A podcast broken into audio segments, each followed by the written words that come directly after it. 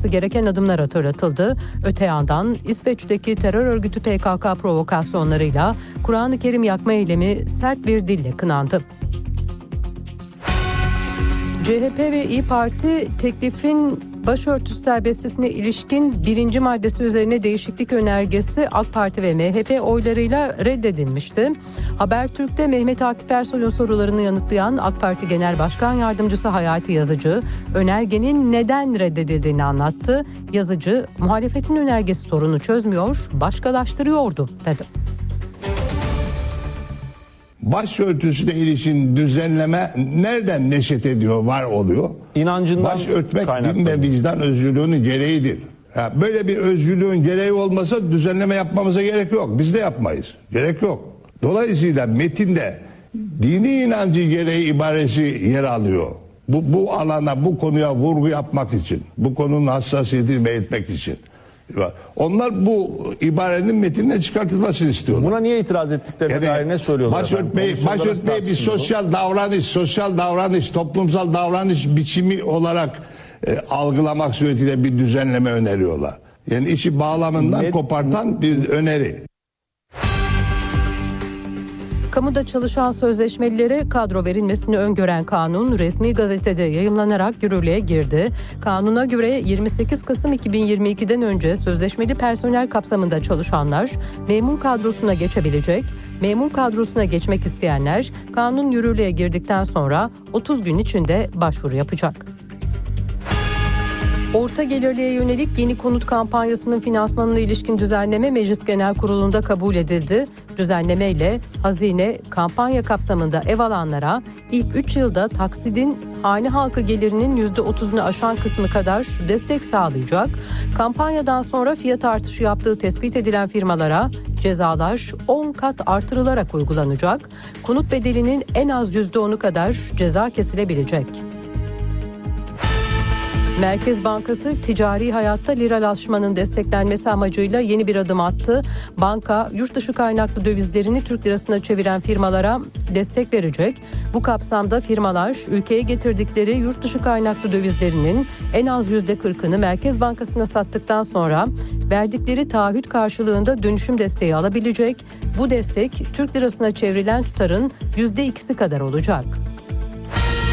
Bilim teknoloji başlığından haberlerle devam edelim. Sanayi ve Teknoloji Bakanı Mustafa Varank, uzaya gidecek adayların belli olduğunu, yakın zamanda Cumhurbaşkanı Erdoğan'ın açıklayacağını söyledi. yakın zamanda Cumhuriyetimizin bu 100. yılında bir Türk vatandaşını uluslararası uzay istasyonuna göndereceğiz ve orada bilimsel deneyler bu arkadaşımız gerçekleştirecek.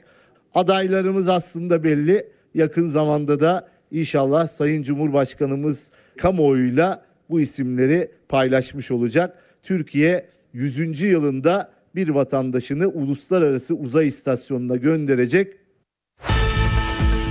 James Webb Uzay Teleskobu yaşam için gerekli elementleri içeren moleküler bulut keşfetti. Bu bulut dünyadan yaklaşık 500 ışık yılı mesafede ve içinde karbon, hidrojen, oksijen, nitrojen ve kükürt gibi birkaç temel element tespit edildi.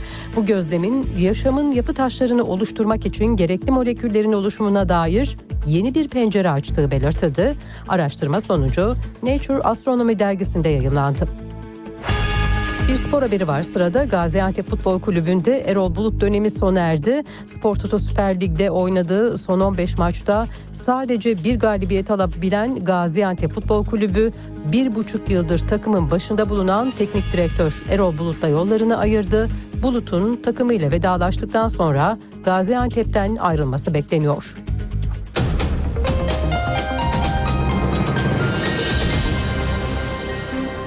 Haberleri sunduk gelişmelerle tekrar birlikte olacağız. Hoşçakalın.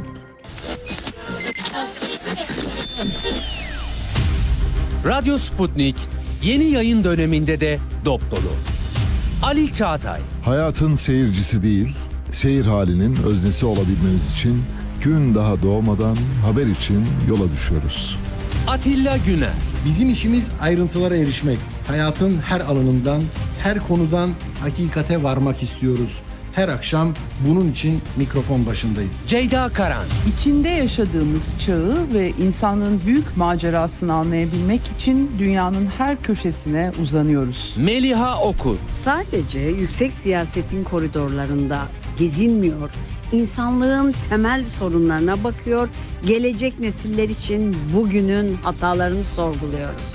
ve Enver Aysever. Çok seslilikten vazgeçmiyoruz. Görevimizin tarihe not düşmek olduğunu biliyoruz.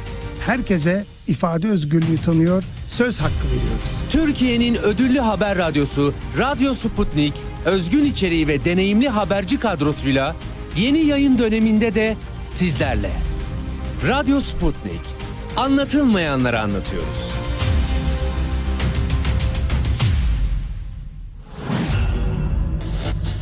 Radyo Sputnik 5 merkezden karasal yayında.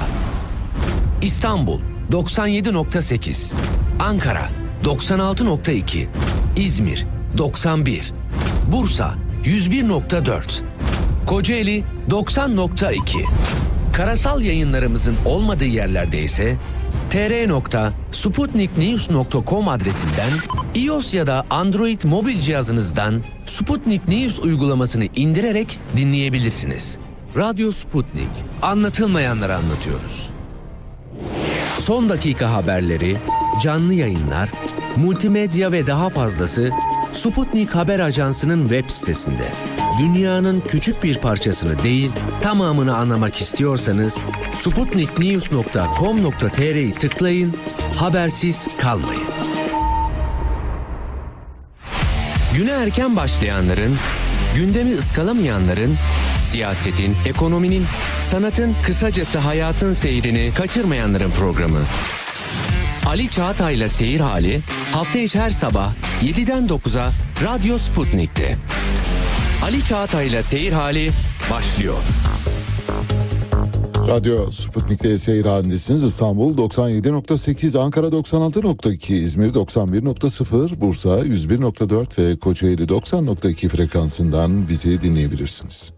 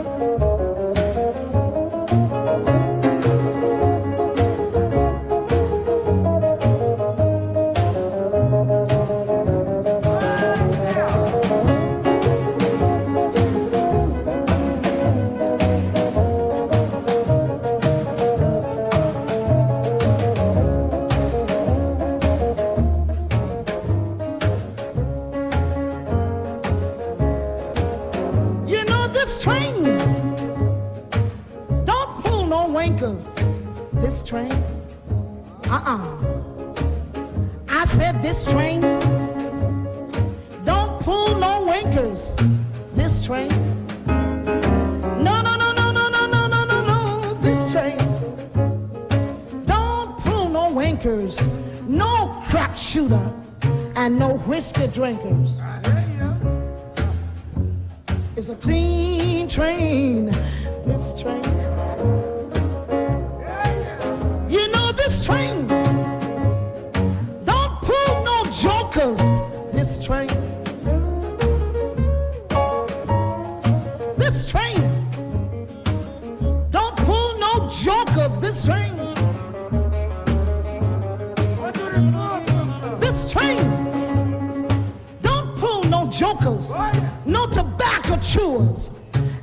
Cigar smokers because uh, this train is a clean train.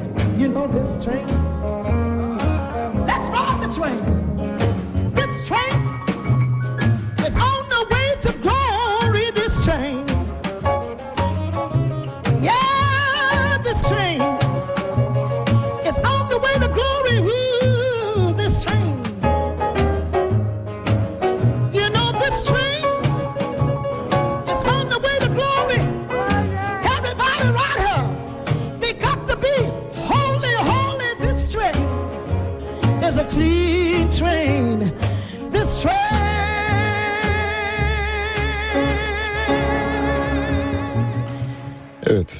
Adeta bir anıt müzisyen e, Sister Rosetta'dan size parçalar çalıyoruz.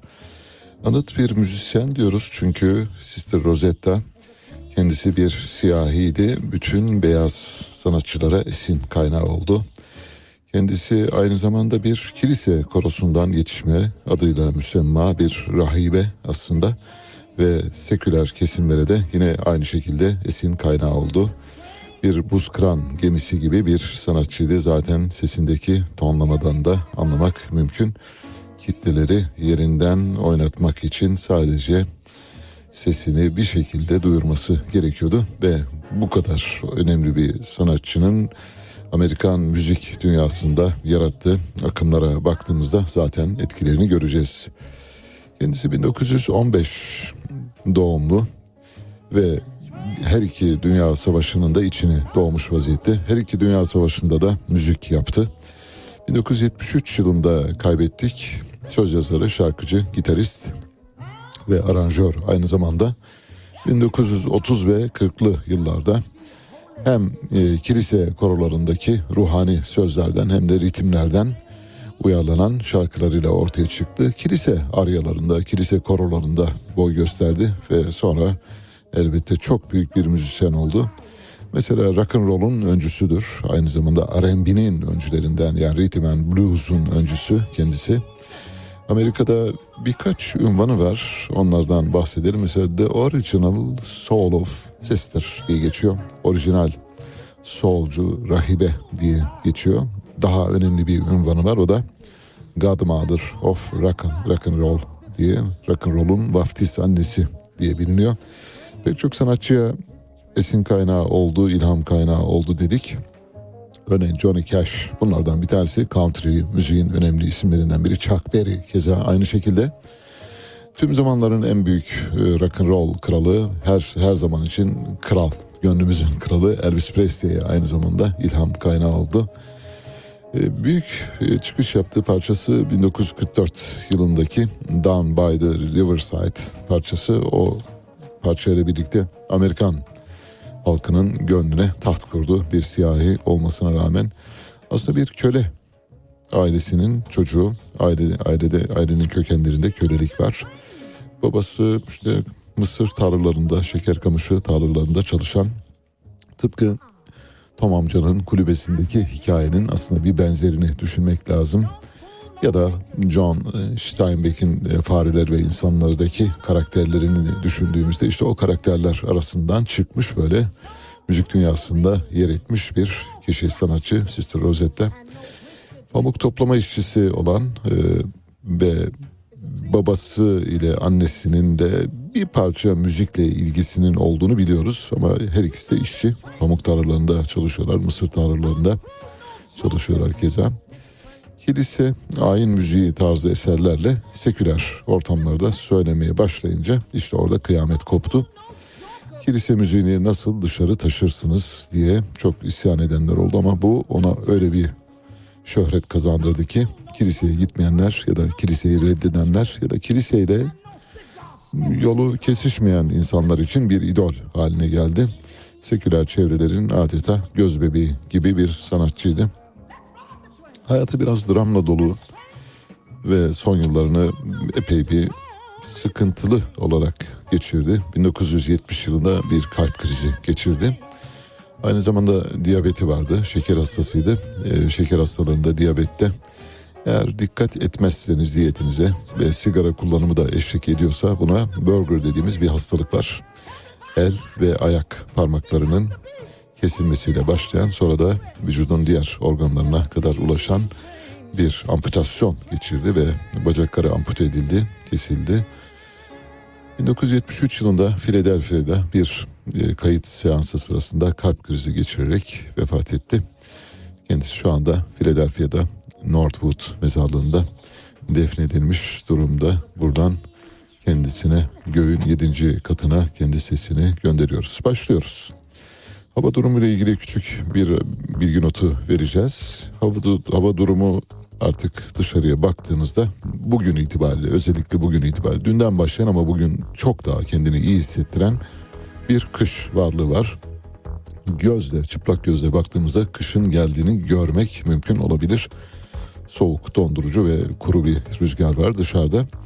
Meteorolojiye göre e, önümüzdeki günlerde yani yarından itibaren Türkiye'nin özellikle Doğu ve İç Anadolu kesimlerinde kar ve karla karışık yağmur yağacak. İstanbul'da da cumartesi pazar günü karla karışık yağmur bekleniyor. Hava sıcaklıkları epeyce bir düştü.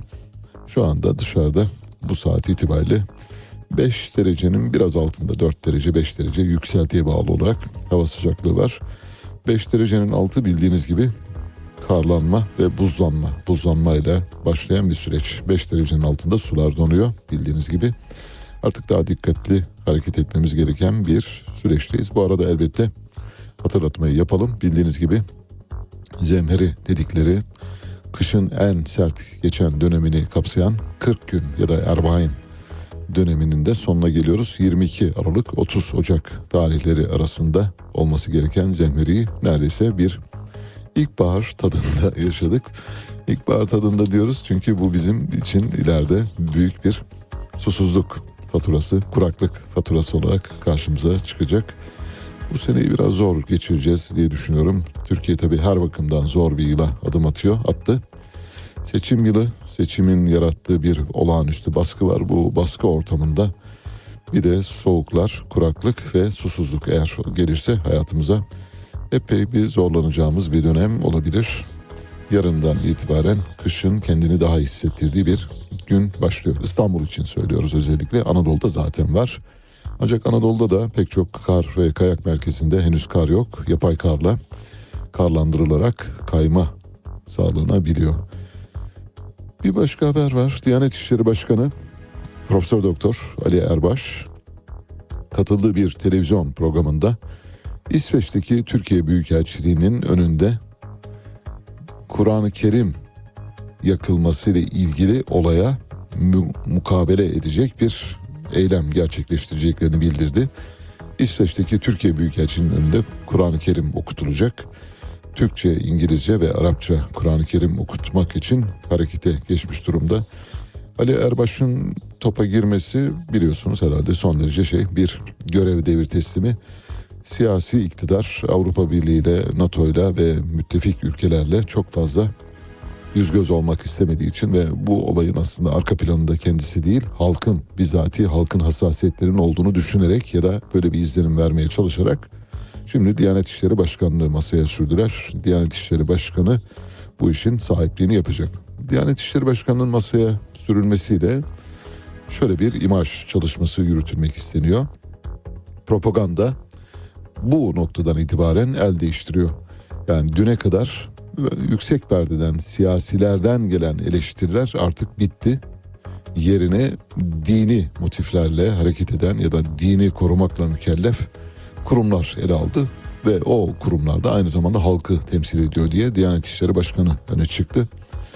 Oysa olayın izleri kapandı. Şu anda İsveç'te bu olaya ilişkin telin edici pek çok mesaj var. Halk e, dahi benimsemiyor. Zaten İsveç hükümeti de bu duruma karşı çıktığını bildirdi. Ancak Türkiye açısından bu bir kullanılabilir malzeme, seçim malzemesi. İçeride seçmeni konsolide etmek için bu malzemeyi seçime kadar indir kaldır yapacaklar gibi gözüküyor. Diyanet İşleri Başkanı'nın devreye girmesiyle aslında Batı'ya şöyle bir mesaj verilmek isteniyor. Bu propaganda sürecini biz değil Diyanet yürütüyor. Diyanet de bağımsız bir kurum. Halkın ve din ve diyanetinden sorumlu. Dolayısıyla Diyanet İşleri Başkanı bizim dışımızda bir organizma gibi hareket ediyor. Bizi bağlamaz demek istiyorlar. Batı kamuoyuna vermek istedikleri mesaj bu. İç kamuoyuna da bu mesele bir onur meselesi. Dolayısıyla bayrak inmez, ezan susmaz. Hamasetine yeniden bir dönüş yapılıyor. Oysa bildiğiniz gibi Kur'an-ı Kerim yakan Rasmus Paludan'ın bir zır deli olduğunu dün bütün yönleriyle anlatmaya çalışmıştık. Bir akıl hastası İsveç'te de bir, birden çok kez benzeri olaylara karıştığı için sınır dışı edilmiş ancak vatandaşlı olduğu için yani son yıllarda babası sayesinde kendisi aslında bir Danimarka kökenli birey. Danimarka'dan e, İsveç'e göç eden bir ailenin çocuğu. Babası Danimarka vatandaşı olduğu için kendisi de otomatik olarak Danimarka vatandaşlığından İsveç vatandaşlığına geçmiş babasıyla birlikte. Bu yüzden İsveç tabii bir vatandaşı olduğundan dolayı meseleyi olabildiğince hukuk çerçevesinde halletmeye çalışıyor. Uyarılar var. Zaten Rasmus Paludan aynı zamanda akli melekeleri bakımından da sorgulanması gereken bir isim. 13-17 yaş grubundaki çocukların hardcore porno görsellerinin kullanıldığı sitelere girip çıkarken görülmüş daha doğrusu tespit edilmiş. Bu tespit edilince yerel basında İsveç basınında yer aldı. Bu durumu şöyle savundu kendi kendine. Evet dedi giriyorum bu sitelere. Bu sitelerde bulunmak bir suç değil. Çünkü evet doğru orada yasal. Ancak bu sitelerde eğer aykırı bir işlem ya da eylem yapmış olsam zaten o sitenin moderatörü beni uyarır. Dolayısıyla bu benim kişilik haklarımla ilgili. Yani herhangi bir şekilde bunu reddetme gereğini bile duymadı.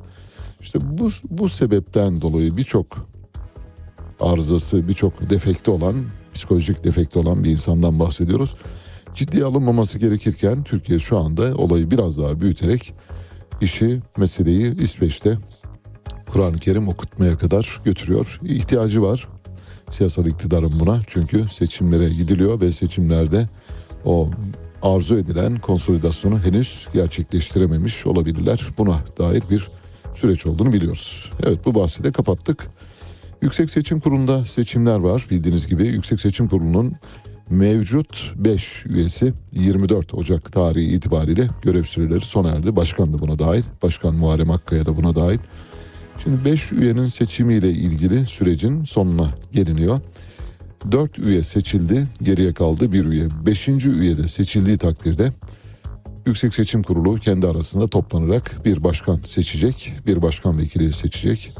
Elbette orada siyasal iktidarın ağırlığı çok fazla. Yüksek Seçim Kurulu'nda tüm ve bu tür kurumlarda bir e, nispi temsil yoluna gidildiği için siyasi iktidar sandalye sayısına göre daha fazla e, üyeyle temsil ediliyor. Burada da aynı durum söz konusu. Yüksek Seçim Kurulu'nun Yargıtay kontenjanından seçilecek 3 üyesinin belirlenmesi için yapılan seçimlerin 17. turunda salt çoğunluğu sağlayan Yargıtay 10. Hukuk Dairesi üyesi Talip Bakır Yüksek Seçim Kurulu üyeliğine dün seçildi. YSK'nın Yargıtay kontenjanından seçilen diğer üyesi 8. Hukuk Dairesi üyesi Fevzi Eroğlu olmuştu. Şimdi kaldı bir üye. O bir üyenin seçimi büyük pazarlıklarla geçecek. Bundan emin olabilirsiniz. Dün itibariyle sona erdi görev süreleri. Bugün ve bugünden sonra orada büyük bir e, kulis faaliyeti yürüyeceğine emin olabilirsiniz. O tek üyelik üzerinden seçimlerin kaderi belirlenecek. Yargıtay kontenjanından Yüksek Seçim Kurulu üyeliğine seçilen e, kurul başkanı hali hazırda Muharrem Akkaya, Cengiz Topaktaş, Kürşat Hamurcu ile Danıştay kontenjanından seçilen Başkan Vekili Erhan Çiftçi ve Yunus Aykın'ın görev sürelerinin dolması nedeniyle 5 yeni üyenin belirlenmesi için Yargıtay ve Danıştay'da seçimler yapılmaya devam ediyor. Danıştay'da geçen hafta iki üyenin belirlenmesi için yapılan seçimde üyeler Ali Çopur ve İsmail Kalender YSK'nın yeni üyeleri oldu. Yargıtay'da da 3 üye belirlenecekti. Yargıtay üyesi Feyzi Eroğlu YSK üyesi olmuştu. Geri kalan iki üyeden biri de dün seçildi. Talip Bakır 189 oyla. Bu arada seçilebilmek için Yargıtay Genel Kurulu'ndan 180 oyun üzerinde oy alması gerekiyor. 189 oya epey bir tur sonucunda sayısız turlar sonucunda ulaşabildi. Düşünün o barajı 9 oyla geçmiş durumda. Şimdi son üyenin seçiminde bu 9 oyu bulmak mümkün olmayabilir. Büyük bir pazarlık var. Bu büyük pazarlığın altında Milliyetçi Hareket Partisi ile AK Parti arasında çekişme var. Milliyetçi Hareket Partisi kendi adaylarının olmasını istiyor. AK Parti de kendi adaylarının olmasını istiyor. Dolayısıyla Cumhur İttifakı şu anda Yüksek Seçim Kurulu seçimlerinde ortadan çatlamış durumda. Gizli su yüzüne çıkarılmak istenmeyen bir yarış var orada. Ancak bu yarışın bütün kulisini şu anda takip edebilecek durumdayız. Yemin töreninin ardından görev süresi devam eden üyeler Ahmet Yener, Mahmut Akgün, Ekrem Özübek, Orhan Usta, Ali Ürker, Battal Öğüt ile yeni seçilen 5 üye arasında Yüksek Seçim Kurulu Başkanlığı için seçim yapılacak ancak son üyenin de seçilmesi gerekiyor. Gizli oyla yapılan seçimde en çok oy alan YSK'nın yeni başkanı olacak. Yeni üyeler de başkanlık için aday olabilecek durumdalar. Yüksek Seçim Kurulu'nun yeni başkanının kim olacağı önemli. Seçilecek son üyenin kim olacağı da son derece önemli. Orada Cumhuriyet Halk Partisi de bir kulis faaliyeti yürütüyor İyi Parti ile birlikte. Ancak ne kadar etkin olurlar bilmiyoruz. 180 oyu bulacak olan aday bence orada kilit role sahip olacak. Bunu bugünden söyleyebiliriz. Ethem Sancak, İyi Parti, Vatan Partisi Genel Başkan Yardımcısı Doğu Perinçek'in yakın arkadaşlarından biri. Geçmişte de Sayın Cumhurbaşkanı ile çok yakın çalıştı. Şu anda üzeri çizildiği için Vatan Partisi'ne doğru hafif tornistan etti. Kendisini tekneye attı. Kurtardı. Eğer Vatan Partisi'ne geçmemiş olsaydı şu anda sırtında bir tek ceketi kalabilirdi. Zira Cumhurbaşkanı Erdoğan kendisinin Katar'la yürüttükleri işbirliğinden hiç memnun kalmadığını belirtmişti. Bunu daha önceki yayınlarımızda dile getirmiştik hatırlarsanız BMC'de Ethem Sancak Katar Şeyhi El Temim'e yakın kişilerle birlikte çalışıyor. Yani El Temim'e yakın bir aile tarafından yönetilen bir şirketin ortağıydı. Fakat ortakları arasında, ortaklar arasında biraz böyle parasal, akçalı ilişkiler ortaya çıktı. Bu akçalı ilişkiler sonunda e, El Temim Katar Şeyhi Türkiye'ye geldiğinde Cumhurbaşkanı'na doğrudan birinci elden bilgidir bu bu arada belirtmiş olalım. Cumhurbaşkanı'na doğrudan Ethem Sancak'ı şikayet ediyor. Şöyle diyor. Sizin bu adam bizi soyuyor diyor. Cumhurbaşkanı da hayretle kim o diyor. İşte Ethem var ya BMC'deki ortağımız nasıl soyuyor diyor. Vallahi durum şöyle diyor. Bir örnek veriyor. Ben örneği biraz abartarak anlatmaya çalışacağım. Örneğin BMC'ye dışarıdan malzeme alınacak, mal alınacak ya da BMC dışarıdan hizmet alacak. Basit örnek en e, basit örneğiyle örneğin domates alacaksınız değil mi? BMC'ye dışarıdan gıda tedariği yapacaksınız. Domates pazarda 3 lirayken mesela Ethem Sancak'ın şirketinden 13 liraya giriyor BMC'ye. Bunları tespit ettik diyor. Ortağımız bizi soymaya başladı. Bu yüzden de bu ortakla yolumuzu ayırmak istiyoruz diyor. Ve hemen yine görüşmeye tanık olan kişilerin anlattığı kadarıyla söyleyeyim. Cumhurbaşkanı telefona sarılıyor. Ethem buraya gel diyor. Ethem gidiyor. Ceketini al ve çık diyor. İşte o günden sonra Ethem Sancak'ın işi bitti. Şimdi Ethem Sancak Vatan Partisi ile birlikte ve Doğu Perinçek'in kanatları altında elinde kalan son varlığını korumaya çalışıyor. Bu arada da demeçler vermeyi sürdürüyor. Dün en son NATO ile ilgili e, önemli bazı şeylerde bulundu, saptamalarda bulundu. Şöyle dedi e, Ethem Sancak'ın iddiası bu. NATO'dan 5-6 ay sonra Türkiye çıkacaktır. NATO bizi yaptıkları provokasyonlarla eylemlere zorluyor. Son olarak komşumuz Yunanistan'la bizi karşı karşıya getirmeye çalışıyor diyor. Yunanistan'la karşı karşıya getirmeye çalışan NATO değil bizatihi Türkiye'nin kendisi. Yani Türkiye Milli Savunma Bakanı ile öteki tarafın Milli Savunma Bakanı. Türkiye Cumhurbaşkanı ile Yunanistan Başbakanı arasında polemikler var. Mesela bu polemikleri hemen şöyle bir gözünüzün önüne getirdiğinizde meselenin NATO kaynaklı olmaktan çok Türkiye yani Atina ve Ankara kaynaklı olduğunu görebilirsiniz ama olayı tabii istediğiniz düzlemde görmek istediğiniz için öyle düşüyor. Şöyle diyor e, Ethem Sancak, NATO'dan çıkalım konulu bir e, panele katılmış ve bu panelde bizi bu eylemleri yapmaya olaylar zorluyor. NATO bizi yaptıkları provokasyonlarla bu eylemlere zorluyor. Son olarak komşumuz Yunanistan'la bizi karşı karşıya getirmeye çalışıyor. Türkiye 5-6 ay sonra NATO'dan ayrılacak. Büyük bir kehanet bu bu arada. Orta Doğu'da bizi girdaba sokmaya çalışıyor. Son olarak İsveç ve Hollanda'da Kur'an'a karşı yapılan eylemleri görüyorsunuz. NATO'dan çıkmak acil bir farz haline geldi. Yapılan anketlerde bize en düşman ve yıkıcı politikaları izleyen ülkenin Amerika Birleşik Devletleri olduğunu söyleyenlerin oranı %80'e çıktı. Yine son dönemde Türk halkı Rusya ve Putin'e karşı büyük bir sempati duymaya başladı. Millet yaklaşan tehditleri görerek hükümetlerin önüne geçti. Bu arada HDP'nin kapatılması gerektiğini söylüyor. Ethem Sancak bildiğiniz gibi Cumhurbaşkanıyla olağanüstü yakın ilişkilere sahip bir kişiydi. Hatta Cumhurbaşkanı ile ilişkilerini Mevlana ile Şems-i Tebrizi arasındaki ilişkiye benzetti. Ben ona aşık oldum diyerek e, Cumhurbaşkanı Mevlana kendisini de Şems e, yerine koymuştur. HDP'nin kapatılmasını istiyor bu arada Ethem Sancak. HDP'nin kapatılması noktasında çok geciktik. Şimdi Batılıları eleştiriyoruz. Hollanda, Almanya, İsveç PKK'yı himaye ediyor. Ancak biz onları kendi meclisimizde tutuyoruz. HDP PKK'nın bir aygıtıdır. Başka ülkeleri eleştiriyoruz ama sen kendi meclisinde adamlara yer vermişsin. Bu konuda acilen eyleme geçilmesi gerekiyor diyor. Ethem Sancak bir an önce HDP. HDP zaten şu anda kapatma davasının son aşamalarında. Bildiğiniz gibi HDP'nin hesapları bloke edildi. Yani hazineden aldığı yardımı kullanamayacak durumda. Bu yüzden seçime nasıl hazırlanacağı bile meçhul. Bu sebeple HDP üzerindeki baskının biraz daha artırılması gerektiğini düşünüyor Ethem Sancak. Doğu Perinçek e, ve Doğu Perinçek'in Cumhurbaşkanlığı seçimlerinde alacağı oyla ilgili bir soruyu da yanıtladı Ethem Sancak. Dediler ki Doğu Perinçek acaba 100 bin imzaya ulaşsa bile geçen seçimlerde olduğu gibi 100 bin imzaya ulaşabilecek oy oranına ulaşabilir mi? Ulaşacağız dedi merak etmeyin yapacağız dedi. Ben deniz bildiğiniz gibi bu meseleyi çok yakından takip eden bir gazeteciyim. Bu son Cumhurbaşkanlığı seçimlerinde Doğu Perinçek aday olunca yani ortamda bir renklenme olsun, bir renk kazansın. Bir fazla aday ile e, Cumhurbaşkanlığı seçimi biraz daha eğlenceli bir hale gelsin. Eğlenceden kastımız elbette gülüp çalıp oynamak değil.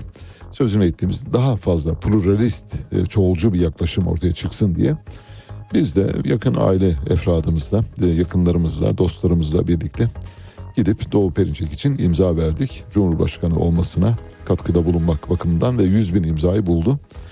100 bin imzayı bulduğu zaman bir gün, bir gün bir gazetecilerle ortak bir toplantı sırasında kendi aramızda hasbihal ederken dedim ki ben de Doğu Perinçek'in 100 bin imza kampanyasına katıldım ama şuna inanıyorum Doğu Perinçek e, seçimlerde 100 bin oya ulaşamayacak. Yani imza sayısının altında olacak dedim. Bunu bir gazeteci e, bir basın toplantısında Doğu Perinçek'e sormuş. Demişler ki siz böyle diyorsunuz ama işte gazeteci arkadaşımız Ali Çağatay sizin 100 bin imzaya bulduğunuzu ancak 100 bin oya ulaşamayacağınızı söyledi. Ne diyorsunuz? O da aynen şöyle demiş. Ali Çağatay'a selam söyleyin biz iktidara geliyoruz demişti. 89 binde kaldı hatırlarsanız yine aynı şey olacak yine hiçbir şey değişmeyecek ve birlikte göreceğiz. Şimdi din istismarının hangi noktalarda olduğunu Finlandiya meselesi üzerinden, İsveç meselesi üzerinden giderek anlatmaya çalışacağım. Bir başka küçük bahis açıyoruz. Bildiğiniz gibi Türkiye'nin orta mesafe koşucularından, kadın atletlerinden Aslı Alptekin adında bir atletimiz vardı. Aslı Alptekin 1500 metre finallerinde altın madalya kazanmıştı en son katıldığı bir yarışta. Altın madalya kazandığı bu yarıştan sonra şöyle demişti bir sosyal medyada paylaşımda bulunmuştu. 1500 metre finallerinden önce namaz kılmıştım. Altın madalyayı alınca önce Cumhurbaşkanımızı aradım. Sonra şükür namazı kıldım. Allah'ım bana güç verdi dedi. Bir süre sonra Aslı Aptekin'in 2012 Londra Olimpiyatlarında doping yaptığı ortaya çıktı ve dopingden dolayı da madalyası geri alındı. Demek ki dualar falan her şey boş ya da dua ettiğinizi bir şekilde duyurarak aslında ben mütedeyyin bir insanım mesajı veriyorsunuz. Mütedeyyin bir insanın bir defa hile yapmaması lazım. Yani hurda, hile hurda ile işinin olmaması lazım. Doping de bir hile hurdadır. O yüzden bu tür kavramları, mukaddesatı olur olmaz yerlerde, olur olmaz zeminlerde kullanmamak gerektiğini düşünüyorum. Çünkü hassasiyetler aşınıyor. Finlandiya 2019'dan bu yana Türkiye'ye uyguladığı silah ambargosunu kaldırdı. Şimdi malum İsveç ve Finlandiya'nın NATO üyeliğiyle ilgili Türkiye karar merciinde. NATO üyeliği da NATO çerçevesinde alınan bütün kararlar oy birliğiyle alınıyor, ittifakla alınıyor. NATO'nun bir tek üyesinin dahi oylamada çekimser kalması ya da kırmızı oy kullanması o kararın geçmesini engelliyor. Şimdi İsveç ve Finlandiya'nın üyelikleri bizim elimizde. Türkiye İsveç'e kırmızı kart göstermiş durumda Rasmus Paludan yüzünden. Yani o sebepten dolayı değil ama onu da bir gerekçe kullanarak gösteriyor. Ayrıca İsveç Türkiye'nin istediği bazı teröristleri vermedi gibi gerekçeler de var. Fakat Finlandiya burada ayrıştı, kendini ayrıştırdı. Şöyle olacak ve eğer oylama ayrı ayrı yapılırsa yani Finlandiya'nın üyeliğiyle İsveç'in üyeliği ayrı ayrı gündeme gelirse Finlandiya kesin NATO üyesi oluyor. Çünkü Finlandiya iyi çocuk. İsveç şu anda kötü çocuğu oynuyor. Finlandiya silah ambargosunu da kaldırdığı için artık bundan böyle aramızda sular seller gibi bir dönem başlıyor demektir.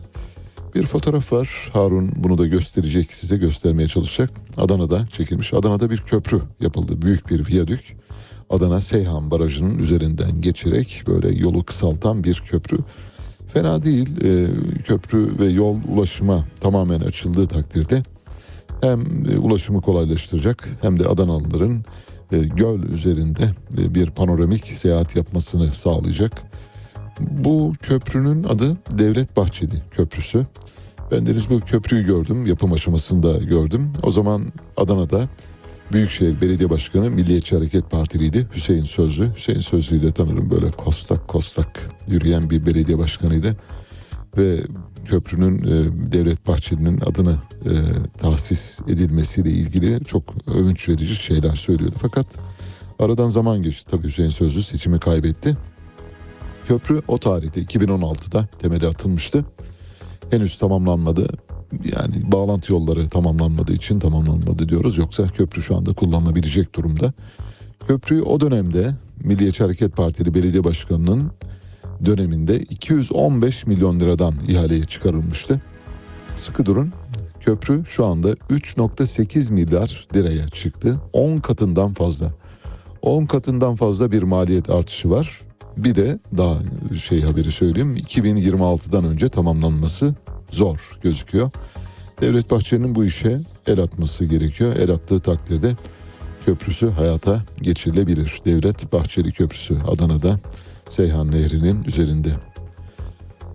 Bir fotoğraf daha var. Bunu da Harun paylaşacak sizinle. Bildiğiniz gibi 50 kuruş, madeni 50 kuruşun üzerinde bir e, bir Türkmen kadın motifi var. Bu Türkmen kadının sıradan ya da herhangi bir no name bir kişi olduğunu zannediyorsanız yanılıyorsunuz. Önemli bir isimdi aslında.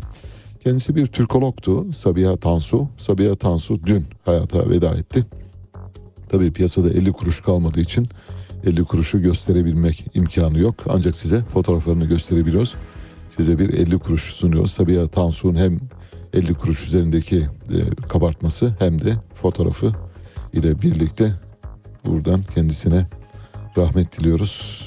İnsanlık için ve Türkiye için önemli işlere imza atan bilim insanlarımızdan biriydi. Etnolog, bir Türkolog aynı zamanda. Amerikan Başkanı Joe Biden Abrams tanklarının dünyanın en yetenekli tankları olduğunu belirtti ve 31 Abrams tankını Ukrayna'ya göndereceklerini duyurdu. Biden İngiltere ve Almanya'nın da tank göndereceğini sözlerine ekledi. Şimdi Avrupa'dan ve NATO içinden özellikle Ukrayna'ya tank gönderme yarışı başladı. Birazdan hangi ülke kaç tank gönderecek diye bir liste var. O listeyi paylaştığım zaman anlayacaksınız ki herkes elindeki ne kadar savaş hurdası varsa onları Ukrayna'ya iteklemeye çalışıyor. Ukrayna şu anda bir modası geçmiş kullanımdan çıkarılmak üzere olan hurdaya ayrılması gereken tank, zırhlı piyade taşıyıcı ve topların mezarlığı haline gelmiş durumda. Ukrayna'da bunlara sarılıyor tabii doğal olarak çünkü savaş e, sırasında ihtiyacı olacağını düşünüyor. Ama tankların hiçbir işe yaramadığını göreceksiniz önümüzdeki günlerde. Ve Amerikan başkanı satarken bir de Abrams tanklarının propagandasını yapıyor. Dünyanın en güçlü tankları diyor. Bu konuda bir bilgiye sahip değiliz. Bilmiyoruz yani hakikaten dünyada şu anda en güçlü ya da en performansı yüksek tank hangisidir? Örneğin e, M48A5 T1'ler midir? Türkiye'nin de reorganize ettiği Amerikan eski yapımı e, tanklar mıdır? Leopardlar mıdır? E, Yoksa Abrams'lar mıdır? Bilmiyoruz ama e, o kendi tanklarının dünyanın en iyi tankı olduğunu söylüyor. Yarın vakit bulabilirsem e, bu tankların birbiriyle karşılaştırmasını yapacağım. Elbette önemli bulduğumdan değil e, sadece bu yalanın e, ortaya çıkarılması bakımından bu araştırmayı yapacağım. Yalan olup olmadığını bilmiyoruz ama bakacağız yarın. Almanya Savunma Bakanı Pistorius NATO'nun Ukrayna'daki çatışmaya taraf olmaması gerektiğini söyledi. Ne demek bu? NATO'nun içinde bir ayrı baş çeken ülke var ve bu ayrı baş çeken ülke sıradan bir ülke değil. Avrupa Birliği'nin kendisi demektir. Zaten Almanya'yı Avrupa Birliği'nden çıkardığınız zaman Avrupa Birliği diye bir şey kalmıyor. Dolayısıyla Almanya güçlü bir aktör. NATO içinde de güçlü bir aktör ve Almanya artık bundan böyle Ukrayna'daki çatışmaya taraf olmak istemediğini söylüyor. NATO içindeki ilk e, ayrı baş çekme değil biliyorsunuz Macaristan da aynı şekilde hareket ediyor. Avrupa Birliği içindeki Avrupa Birliği'nin yaramaz çocuğu, NATO'nun yaramaz çocuğu Macaristan şimdi Almanya ile kol kola girmiş durumda. Bu şu anlama geliyor. Almanya neden bu U dönüşünü yaptı derseniz kış geldi. Havalar soğuk. Zaten Avrupa'da şu anda gerçekten büyük bir kara kış var. Bakmayın Türkiye'de hava sıcaklıklarının henüz mevsim normallerinin çok çok altında olmasına, üzerinde olmasına bakmayın. Avrupa şu anda kara kışın pençesinde ve Avrupa'ya giden doğalgazın, petrolün vanası da nerede? Rusya'da. Şimdi Rusya'ya böyle hafif nazire yapıyor, hafif güzelleme yapıyor. İşte ben aslında senden yanayım. Dolayısıyla bize biraz ayrıcalıklı muamele et. El altından bize yardım et demek için biz bu çatışmaya taraf olmak istemiyoruz diyor. Kış geldi. Vana'nın kolunu elinde tutan otoriteye sesleniyor. Rusya'ya sesleniyor. Ukrayna'ya tank gönderecek ülkelerle ilgili bir liste var. Elimde şimdi paylaşıyorum. Amerika 31 adet Abrams tankı gönderiyor, gönderecek. İngiltere 14 adet Challenger göndermek istiyor.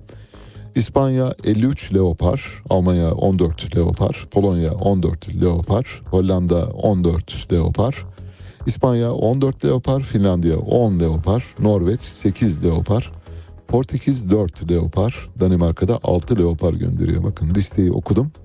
Listenin Amerikan tankları ve İngiltere'nin kullandığı Challenger tankları dışında bütün tanklarının Avrupa tanklarının tamamının Leopard olduğunu görüyoruz. Leopard bir Alman yapımı tank.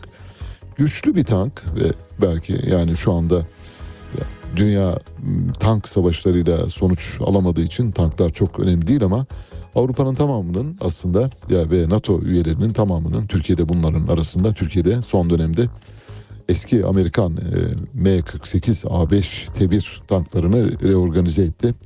Yeniledi ama te, istediği sonuçları alamadığı için Almanya'dan çok sayıda Leopard almak zorunda kaldı. Şu anda dünyanın hangi Avrupa Avrupa kıtasındaki ordulara, e, kıta Avrupa'sındaki orduların tamamında Leopard tankları var. Almanya bu işin pazarını yürütüyor. Yarın size bir tanklarla ilgili karşılaştırma yapmaya çalışacağım. Abrams tanklarıyla ilgili durumun gerçek olup olmadığını anlayacağız. Malatya'daki AK Partili Yeşilyurt Belediyesi üzerinden gri pasaportla göçmen kaçakçılığı davası vardı biliyorsunuz. Bu dava Yeşilyurt ilçesinden müteaddit defalar birden çok kez çok sayıda kişinin işte folklor ekibi, etkinliğe gitme, fuar ve benzeri sebeplerle Almanya'ya gittikleri ve giden heyetin önemli bir bölümünün Almanya'da buharlaşıp kaldığını ortaya koymuştuk. Türk medyasında epey bir yer almıştı. Zaten Avrupa ülkeleri bu olaydan sonra Türkiye'nin e, kırmızı yeşil pasaportlarına ciddi bir e, blokaj getirmişti. Yeşil pasaportları dahi bir ön vizeye tabi tutmaya başlamıştı. Vizeleri ayrıca zorlaştırmıştı. Olayın sonradan e, sadece iceberg'in su üzerindeki kısmı olduğu ortaya çıktı. Malatya Yeşilyurt Belediyesi'ndeki olayın benzerlerinin 21 belediyede daha cereyan ettiği ortaya çıktı. Şöyle yapıyorlardı olayı hatırlatmak için bilmeyenler açısından söyleyelim. Örneğin Malatya'da Almanya'nın işte Berlin kentinde yapılacak olan bir halk oyunları festivaline bir halk oyunları ekibi gönderiyorsunuz. Ekip 48 kişi olarak gidiyor. Dönüşte uçağa 2 kişi geliyor. 46 kişi Almanya'da buharlaşıyor, kayboluyor. Almanya bunu tespit etti ve Türkiye'ye uyarıda bulundu. Şimdi bu dava sonuçlandı. Malatya Yeşilyurt'taki dava sonuçlandı. Nasıl sonuçlanmış olabilir sizce? Bir tahmininiz var mı? Malatya Yeşilyurt'ta defalarca Almanya'ya ve Hollanda'ya ve Avrupa'nın diğer ülkelerine göçmen gönderip onları orada buharlaştıran Yeşilyurt Belediyesi'ndeki soruşturmada tutuklu sanık kalmadı dün itibariyle. Nasıl? Temiz. İşi temizledik. Şu anda tertemiz. Artık bundan sonra üzerinde durmaya bile değmez. Maalesef Türkiye'de yargıda böyle inanılmaz korkunç sayılabilecek şeyler olabiliyor. Bunları yani kelimelerle anlatmak zor. İngiltere e, veliaht prenslerinden ve tahttan feragat eden Prens Harry eşi Meghan Markle'la birlikte bildiğiniz gibi hayat memat mücadelesi veriyor. Tahttan feragat edince kendi çalışarak kaz- hayatını kazanmak zorundaydı eşiyle birlikte. Bu yüzden acaba neler yapalım diye epey bir uğraş verdiler.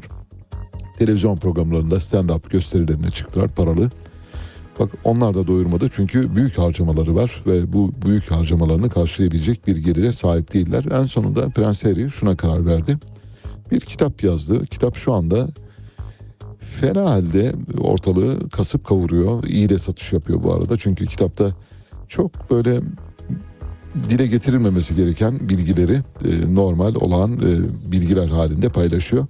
Örneğin Prens Harry Afganistan'a gitti biliyorsunuz. Gittiği zaman da epey bir eleştiri konusu olmuştu. Yani kraliyet ailesi gönderecek adam mı bulamadı da koskoca kraliyetin veliahtlarından birini neden savaşa gönderiyorsunuz orada öldürmek mi istiyorsunuz diye. Tabii bu yaratılmış bir kahramanlık hikayesi için gerekliydi. Prens Harry ondan sonra birdenbire böyle Rambo'ya dönüştü.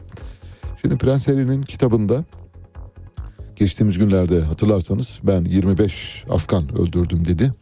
25 Afgan'ı tek tek e, saymak mümkün değil. İşte yalanın da sınırı yok. İstediğiniz yalanı söyleyebilirsiniz. Ortada tanık yok. Yalanlayabilecek kimse de olmadığı için 25 de diyebilirsiniz. 250 de diyebilirsiniz. Ya da Ka- Kahraman Kazan Belediye Başkanı Lokman Ertürk gibi 400 kişi üzerime ateş açtı da diyebilirsiniz. Yani Superman, Batman e, konusu geçtik bambaşka bir şey. Ormanda 10 kaplan gücünde insanlardan bahsediyoruz. Prens Harry en son kitapta şöyle bir şeyden daha bahsetmiş. Tabii kitap okumadığımız için parça parça batı basınında yer alınca ancak haberdar olabiliyoruz. Şöyle demiş kitabının bir yerinde bilgi notu olarak.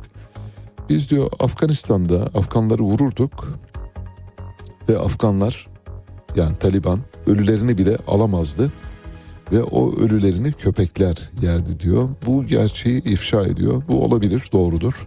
Evet çünkü savaş alanı yani Afganlar için yani ölünün ya da dirinin hiçbir farkı yok. Ha ölü ha diri fark etmez. En iyi Afgan e, Taliban Afganı. Taliban Afganıysanız ölü ya da diri olmanız fark ediyor ama sıradan bir Afgansanız fark etmiyor. Ölülerini bırakırlardı ve ölülerini köpekler yedi diyor. Şimdi bu çerçeveden yola çıkarak yayının sonlarına doğru sizinle bir dosya paylaşacağız. Kraliyet ailesinde kim kimdir, ne necidir? Ya da dünya e, monarklar, monarkları arasında kraliyet ailelerindeki işte tahttan feragat edenler, aşkı için tahtını terk edenler ya da taht uğruna verdiği savaşları kaybedenler neler yapıyor diye düşünürseniz onunla ilgili e, Prenses e, Margaret'ten e, Prens Harry'e kadar uzanan bir zincirde kim ne yapmıştır bunlarla ilgili küçük bir dosya paylaşacağız. Böylece Prens Harry ile bunun teaserını yapmış olduk. Scooterlar ile ilgili düzenleme geliyor. Biz skuter me- meselesi baş gösterdiğinde hatırlarsanız şöyle bir savunu yapmıştık. Skuter meselesi yasaklanarak çözülemez. Mutlak surette kurallara bağlanmalı ve skuter hayatımızda olmalı demiştik. Ama Kadıköy Belediyesi Cumhuriyet Halk Partili Şerdil Dara Odabaşı Başkan e, bu işi yasaklayarak çözebileceğini düşünüyor. Nitekim e, epey bir çok sayıda skuter'ı toplattı. Zincirlerini e, çelik ya da demir kesme ve makaslarıyla keserek çıkarttı. Scooter sahipleri buna isyan ettiler. Dün itibariyle Ulaştırma ve Altyapı Bakanlığı bu meseleyi ele attı. Skuterların güvenli kullanımı için bir taslak çalışma başlattı. Skuter'a karşı çıkamazsınız ya da dünyada ortaya çıkan yeni gelişmelere karşı çıkmanız söz konusu olamaz. Biz bunlara karşı çıkıyoruz dediğiniz zaman siz karşı çıkmış olursunuz. Dünyanın diğer taraflarında bu geçerli ve devam ediyor. Dünyanın her yerinde yaygın bir kullanım aracı haline gelen, Z kuşağı bakımından vazgeçilmez bir araç haline gelen, zorunluluklar nedeniyle Türkiye'de ilaveten e, gerekli bir araç durumuna gelen yani hayat pahalılığı sebebiyle çünkü e, abonman biletleri o kadar pahalı ki skuterlar daha ucuza geliyor ve gençler daha ucuz, daha kolay ve daha özgür bir ulaşım aracını e, tercih ediyorlar. Bu sebeple buna karşı çıkmak doğru değil. Yani şöyle tabii işi meseleyi e, geriye doğru götürürsek işte Peygamber Efendimiz asr saadet döneminde deveye biniyordu. E biz de deveye binelim diyemezsiniz. Öyle bir şey olmaz. Scooter var ve scooterları kullanacaksınız. Bakanlığın taslak çalışması uygulamaya girerse bir scooter'a aynı anda iki kişi binemeyecek. Bu güzel yerinde son derece yerinde bir uygulama. Çalışma kapsamında hız sınırı saatte 50 kilometrenin üzerinde olan yollarda scooter kullanımına uydu üzerinden müdahale edilecek. Böylece hız limiti 80 kilometre olan bir yolda scooter'ın hızı önce 10'a ardından 5'e düşürülecek ve durması sağlanacak. Eğer hızlı gidiyorsa uydu haberleşmesi yoluyla, uydu iletişim yoluyla hız sınırlaması sağlanabilecek. Yani yukarıdan kilitleme yapılacak. Kilitleme derken hızının düşürmesi sonra da tamamen bloke edilmesi sağlanacak. Dünyada skuter kazalarının en önemli nedenler olarak iki kişiyle kullanım gösteriliyor. 50 kilometrenin üzerine çıkmak da yine kaza sebepleri arasında gözüküyor. Yeni yönetmelikle bu sebeplerin ortadan kaldırması hedefleniyor. 14 Nisan 2021 tarihli bir yönetmelik var dünyada. Yani uluslararası yayınlanmış bir yönetmelik var. Bu yönetmelik çerçevesinde e, Rusya ve Çin bu yönetmeliği tadil ediyor şu anda. Rusya'da ve Çin'de de çok yaygın biçimde kullanılıyor. Şu anda Türkiye'de bu yönetmelik üzerinde çalışıyor. Bu yönetmeliğin Türkiye'ye uyarlanması ve günümüz gerçekleriyle bağdaşır hale getirmesi için çaba sarf ediliyor. Skuterların yaya yollarında kullanımı kesinlikle yasak olacak. Şimdi yeni gelecek düzenlemelerden bahsediyoruz. Bir, skuterlar yaya yollarında kullanılamayacak. İki, skutera aynı anda iki kişi binemeyecek.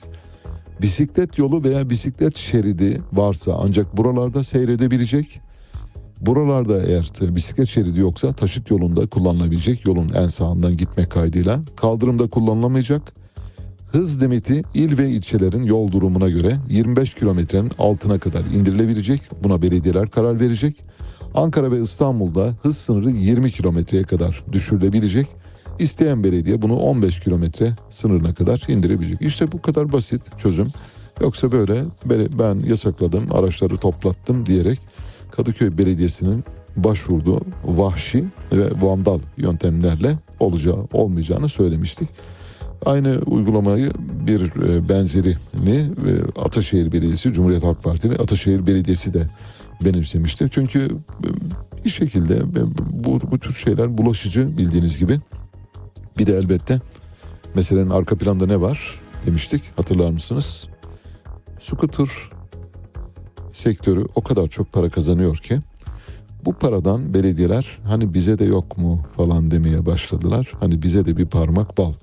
Bütün hikaye bunun üzerine yürüyor. Oysa yasaklayarak çözemezsiniz. Oturup masaya oturmuş olsaydınız belki skuter şirketleri size bir komisyon verirlerdi. O komisyon çerçevesinde siz de kullanımı serbestleştirirdiniz ama bunu yaparken skuter şirketlerine otopark ya da park alanı göstermek zorundasın. Zaten skuter şirketleri bu konuda belediyelere müteaddit defalar yazı, yazmışlar.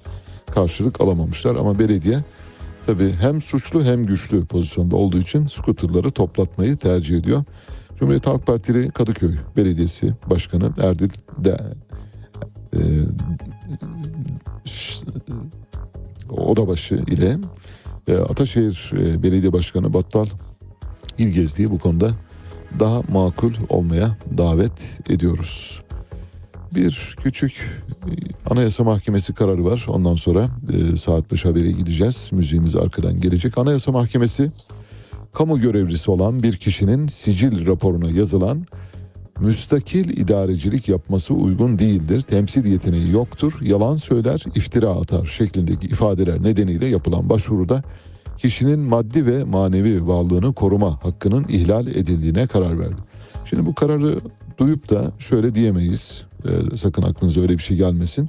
E, bundan sonra bana birisi yalan söylüyorsun derse ben bunu Anayasa Mahkemesi kararını esas göstererek yalancı olmadığımı ifade ederim. Bu kişiye özgü bir karar olduğu için Anayasa Mahkemesi kişinin haklarının ihlal edildiğini gerekçe göstererek teşmili mümkün ama her yere teşmili mümkün olmayan bir karar almış. Yalancıya yalancı demek lazım. Hırsıza hırsız demek lazım. Soyguncuya soyguncu demek lazım. Dolayısıyla yalancılık meşru hale geldi demek değildir. Bu kararın arka planına baktığımızda evet. Saat 5 haberleri gidiyoruz ve Mehtap Yeni Doğan geliyor size. Sister Rosetta'dan parçalar seçtik.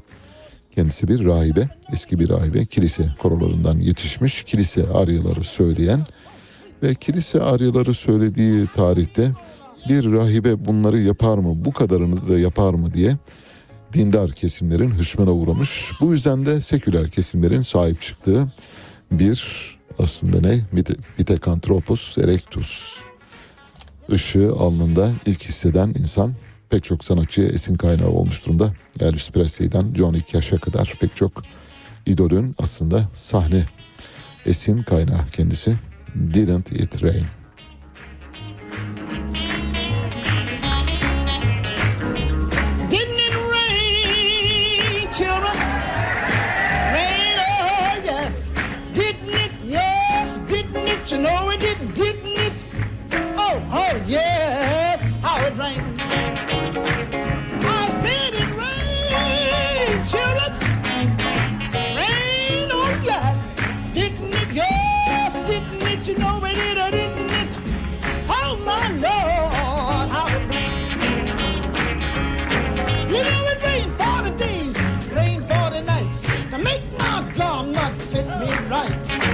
Get to heaven, gonna put on my robe, walk around in glory, tell the glad news. Look up David in the heat of the day, tune up a harp and begin to play. I know it rained, you know it rained. Oh, how it rained, rain too long,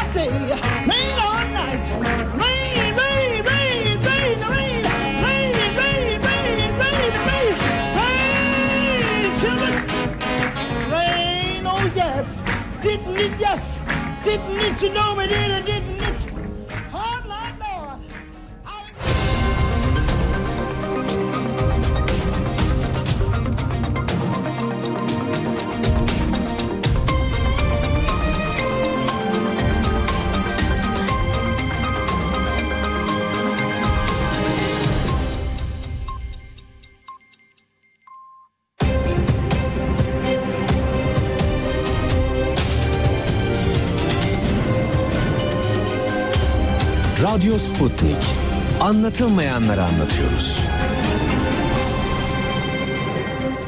Saat 8 İstanbul stüdyolarından gündemden gelişmeleri aktarıyoruz. Ben Mehtap Yeni Doğan. Önce özetler.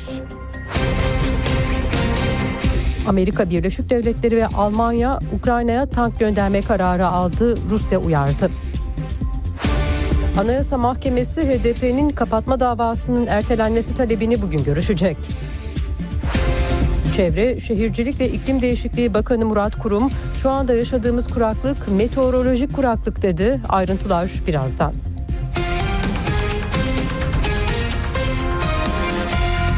Rusya'nın Ukrayna'da sürdürdüğü özel harekat devam ederken batılı ülkelerin Kiev yönetimine silah desteği devam ediyor. Amerika Birleşik Devletleri Ukrayna'ya 31 Abrams, Almanya'da 14 Leopard tankı göndereceğini duyurdu. Fransa, İngiltere ve Norveç'in de Ukrayna'ya tank gönderebileceği bildiriliyor. Öte yandan Berlin, Leopard tankı satın almış 3. ülkelerin bunları Kiev'e ihraç etmesine de izin verdi. Rusya ise Batı'yı Ukrayna'ya tank tedariki konusunda bir kez daha uyardı. Kremlin sözcüsü Dmitri Peskov, Batı'nın Ukrayna'ya ağır tank gönderme planının teknolojik açıdan başarısız bir plan olduğunu ve Rus ordusunun diğer silahları olduğu gibi tankları da imha edeceğini vurguladı. Öte yandan Rusya ordusu Ukrayna'daki özel askeri operasyonunda sahada ilerleyişini sürdürüyor. Rus güçleri Ukrayna askerlerinin konuşlandığı Soledar kentinde kontrolü sağladı. Ukrayna ordusu tuz madeni çıkarılan Soledar'dan çekildi. Finlandiya 2019'dan bu yana Türkiye'ye uyguladığı silah ambargosunu kaldırdı. Finlandiya Savunma Bakanlığı Türkiye'ye askeri malzeme için ilk ticari ihracat iznini onayladı. Geçelim iç siyaset gündemine Altılı Masa'nın 11. toplantısı bugün yapılacak. Altı Muhalefet Partisi'nin lideri saat 12'de İyi Parti'nin ev sahipliğinde bir araya gelecek. Toplantıda Cumhurbaşkanı adayının belirlenmesi ilk kez gündeme alınacak. Hükümet programı olarak bilinen ortak politikalar mutabakat metni ise 30 Ocak pazartesi günü Ankara'da tanıtım toplantısıyla açıklanacak. Altılı Masa'nın bugün yapacağı toplantıya ilişkin Deva Partisi Genel Başkanı Ali Babacan'dan açıklama geldi. Babacan bugünkü toplantıda aday önermeyeceklerini söyledi. Öncelik olarak usul ve yöntem konuşulmalı dedi.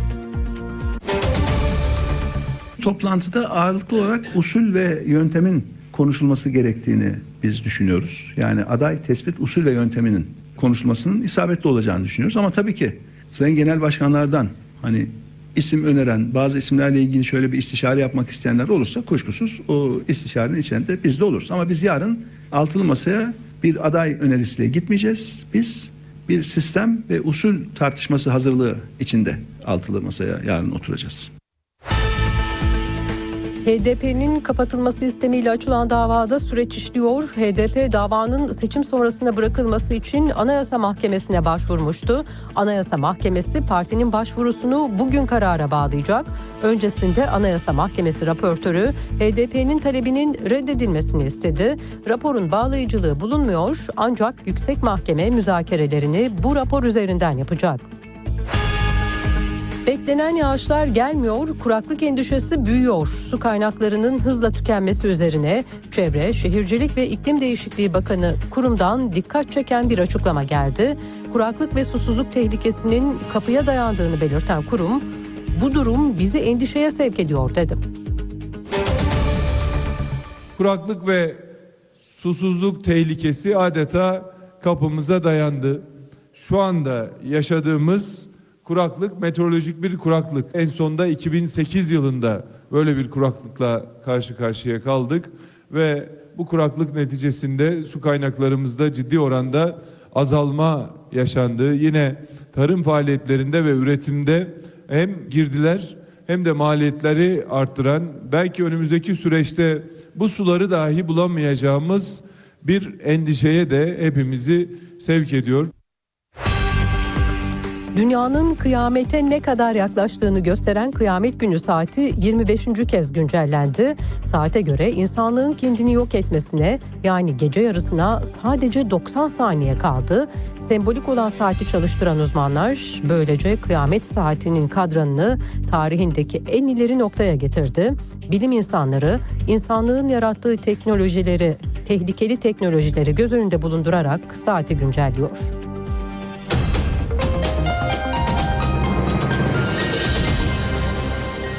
Haberleri sunduk. Gelişmelerle tekrar birlikte olacağız. Hoşçakalın. Radyo Sputnik 5 merkezden karasal yayında. İstanbul 97.8, Ankara 96.2, İzmir 91, Bursa 101.4, Kocaeli 90.2. Karasal yayınlarımızın olmadığı yerlerde ise tr.sputniknews.com adresinden iOS ya da Android mobil cihazınızdan Sputnik News uygulamasını indirerek dinleyebilirsiniz. Radyo Sputnik. Anlatılmayanları anlatıyoruz. Havadan, sudan, karbon ayak izinden, yeşil mutabakattan, dünyanın yeni mottosuna uzanan, bugünden geleceğe bakan, soran, soruşturan, sorgulayan program. Olana bitene farklı bir gözle bakmak isteyenler için Meliha Okur'la Anlat Bana her pazartesi ve çarşamba saat 15'te Radyo Sputnik'te. Son dakika haberleri, canlı yayınlar, multimedya ve daha fazlası Sputnik Haber Ajansı'nın web sitesinde. Dünyanın küçük bir parçasını değil, tamamını anlamak istiyorsanız sputniknews.com.tr'yi tıklayın, habersiz kalmayın. Sputnik Türkiye artık dünyanın en çok kullanılan sosyal ağlarından biri olan Telegram'da. Hala kullanmıyorsanız önce Telegram uygulamasını mobil cihazınıza yükleyin. Ardından Türkiye'nin Telegram kanalına katılın, güncel gelişmeleri ve objektif habere hızla ulaşın. Anlatılmayanları anlatıyoruz. Artık siz de haberin öznesisiniz. Tanık olduklarınızı, yaşadığınız sorunları bildirin, sesinizi kaydedin, gönderin. Telegram, Twitter, Facebook, Instagram ve şimdi de WhatsApp'tayız. Kaydettiğiniz sesi WhatsApp'tan 0505 171 6656'ya gönderin, yayınlansın. Radyo Sputnik. Çok sesli haber radyosu. Güne erken başlayanların, gündemi ıskalamayanların, siyasetin, ekonominin, sanatın, kısacası hayatın seyrini kaçırmayanların programı. Ali Çağatay'la Seyir Hali hafta içi her sabah 7'den 9'a Radyo Sputnik'te. Yeniden birlikteyiz. Türkiye'de grevler e, son zamanlarda ne kadar erteleniyor bilmiyorum ama son 20 yılın grev erteleme rekoru gerçekten e, uzunca dönemler itibariyle uzunca dönemler itibariyle çok fazla kırılabilmiş değil.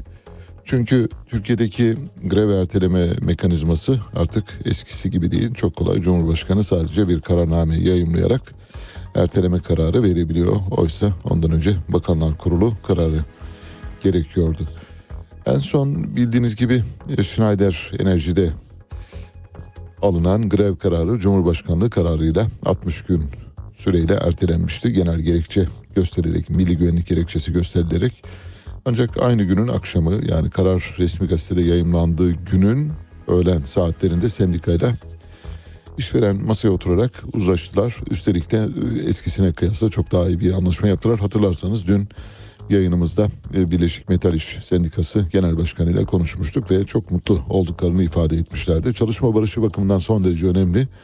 İşçilerin tabii haklarını almasından yanayız ancak aynı zamanda iş barışının da korunmasından yanayız. İkisini bir arada yürütebilecek durumdayız. İki işi bir arada yürütebilecek beceriye sahip olduğumuz takdirde her şey daha yoluna girer.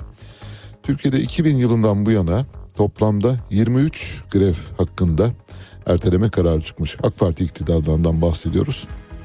Bu grevlerden 7'si olağanüstü hal döneminde gerçekleşiyor. Dördü de Cumhurbaşkanlığı kararıyla alınıyor şu ana kadar.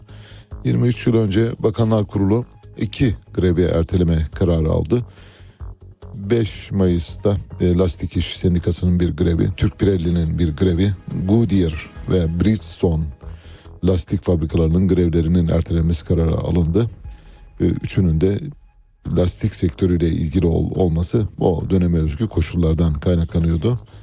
Dolayısıyla grev erteleme bir e, mekanizma olarak çok fazla kullanılmış son 20 yıl içinde. Disiplin acaba çocukları rayından çıkarıyor mu diye soruyorsanız evet buna ilişkin bir araştırma var. Japonya'da bir tekil olaydan yola çıkarak disiplinin, aşırı disiplinin, aile baskısının çocukları öz istenilen e, kıvama e, getirmediği aksine çocukların yoldan çıkmasına sebep olduğunu kanıtlıyor. Bir e, 2016 Mayıs ayında 7 yaşındaki bir Japon çocuk Hokkaido ormanlarında kayboluyor ve bir daha da bulunamıyor. Tabii ormanda ayı popülasyonunun da çok yüksek olduğu bir bölge. Bu yüzden günlerce taranıyor. Çocuğun izine rastlanamıyor.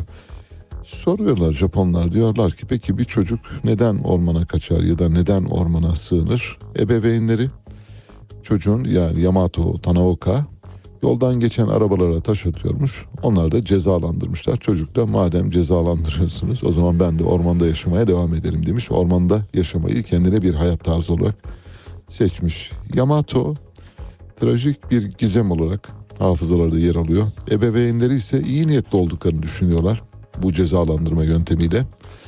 E, Dolayısıyla baş edebilmek için ancak böylesi yollara başvurabileceklerini ifade ediyorlar. Ebeveynler hem çocuklarının hem de diğer insanların güvenliğini garanti altına almak için çocuklarına bir takım kural- kurallar getiriyorlar. Bu bütün toplumlarda, Türk toplumunda çok daha yaygın anne baba egemenliği. İşte evde baba, askerde komutan, mahallede muhtar gibi böyle otoriteler vardır. Bu otoritelere tabi yaşıyoruz maalesef. Bunların aslında demokrasi ve gelişen e, toplum kuralları çerçevesinde çok da tabi olmamız gereken otoriteler olmadığını bugün itibariyle biliyoruz. Buradan çıkacak sonucu söylüyorum, bağlıyorum bu meseleyi. Çocuklarınızı kendi haline bırakınız ama sadece uzaktan gözleyiniz. Bütün hikaye bu. Eğer çocukları hem baskı altına alıp hem gözetlemeye kalkarsanız olmaz. Baskı altına almayıp uzaktan mümkün olduğu kadar hissettirmeden kontrol edebilirseniz çocuklarınızın sağlıklı gelişimine katkıda bulunabilirsiniz. Bu arada sömestr tatili sırasında e, gelen mesajların giderek azaldığını görüyoruz. Bu şu anlama geliyor radyo mesajlarının. Bizi daha çok e, anneler babalar e, çocuklarını okula götürürken birlikte dinliyorlar.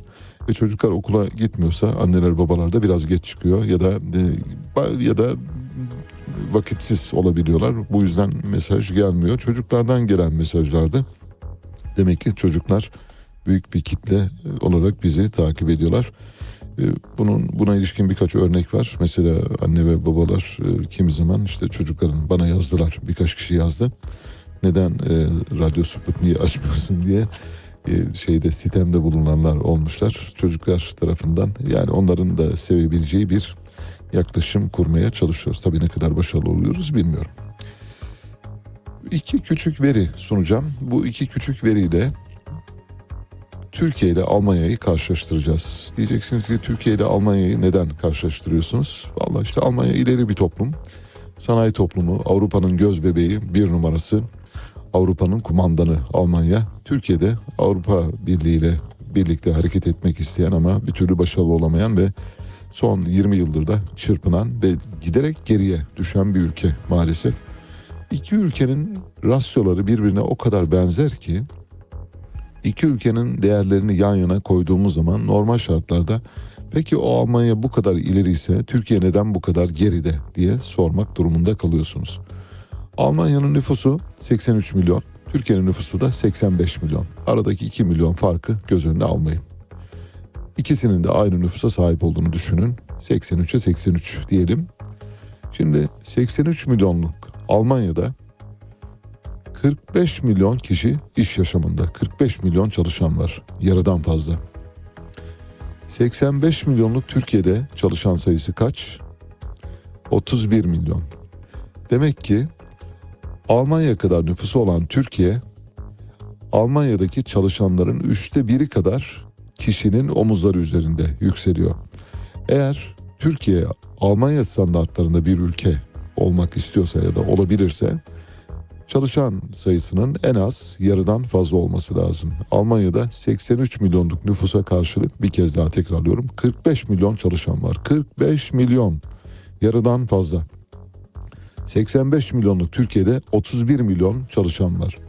Şöyle bir sonuç var. Bu arada iki ülkenin nüfus demografik yapısı da çok e, Türkiye'nin lehine olmasına rağmen Türkiye bu dezavantajlı kulvarda bulunuyor. Mesela Türkiye'nin yaş ortalaması 33, Almanya'nın yaş ortalaması 47. Daha yaşlı olan Almanya daha fazla insanı iş yaşamında tutabilirken daha genç olan Türkiye daha az sayıda insanı iş yaşamında tutabiliyor. İşte bütün mesele bu.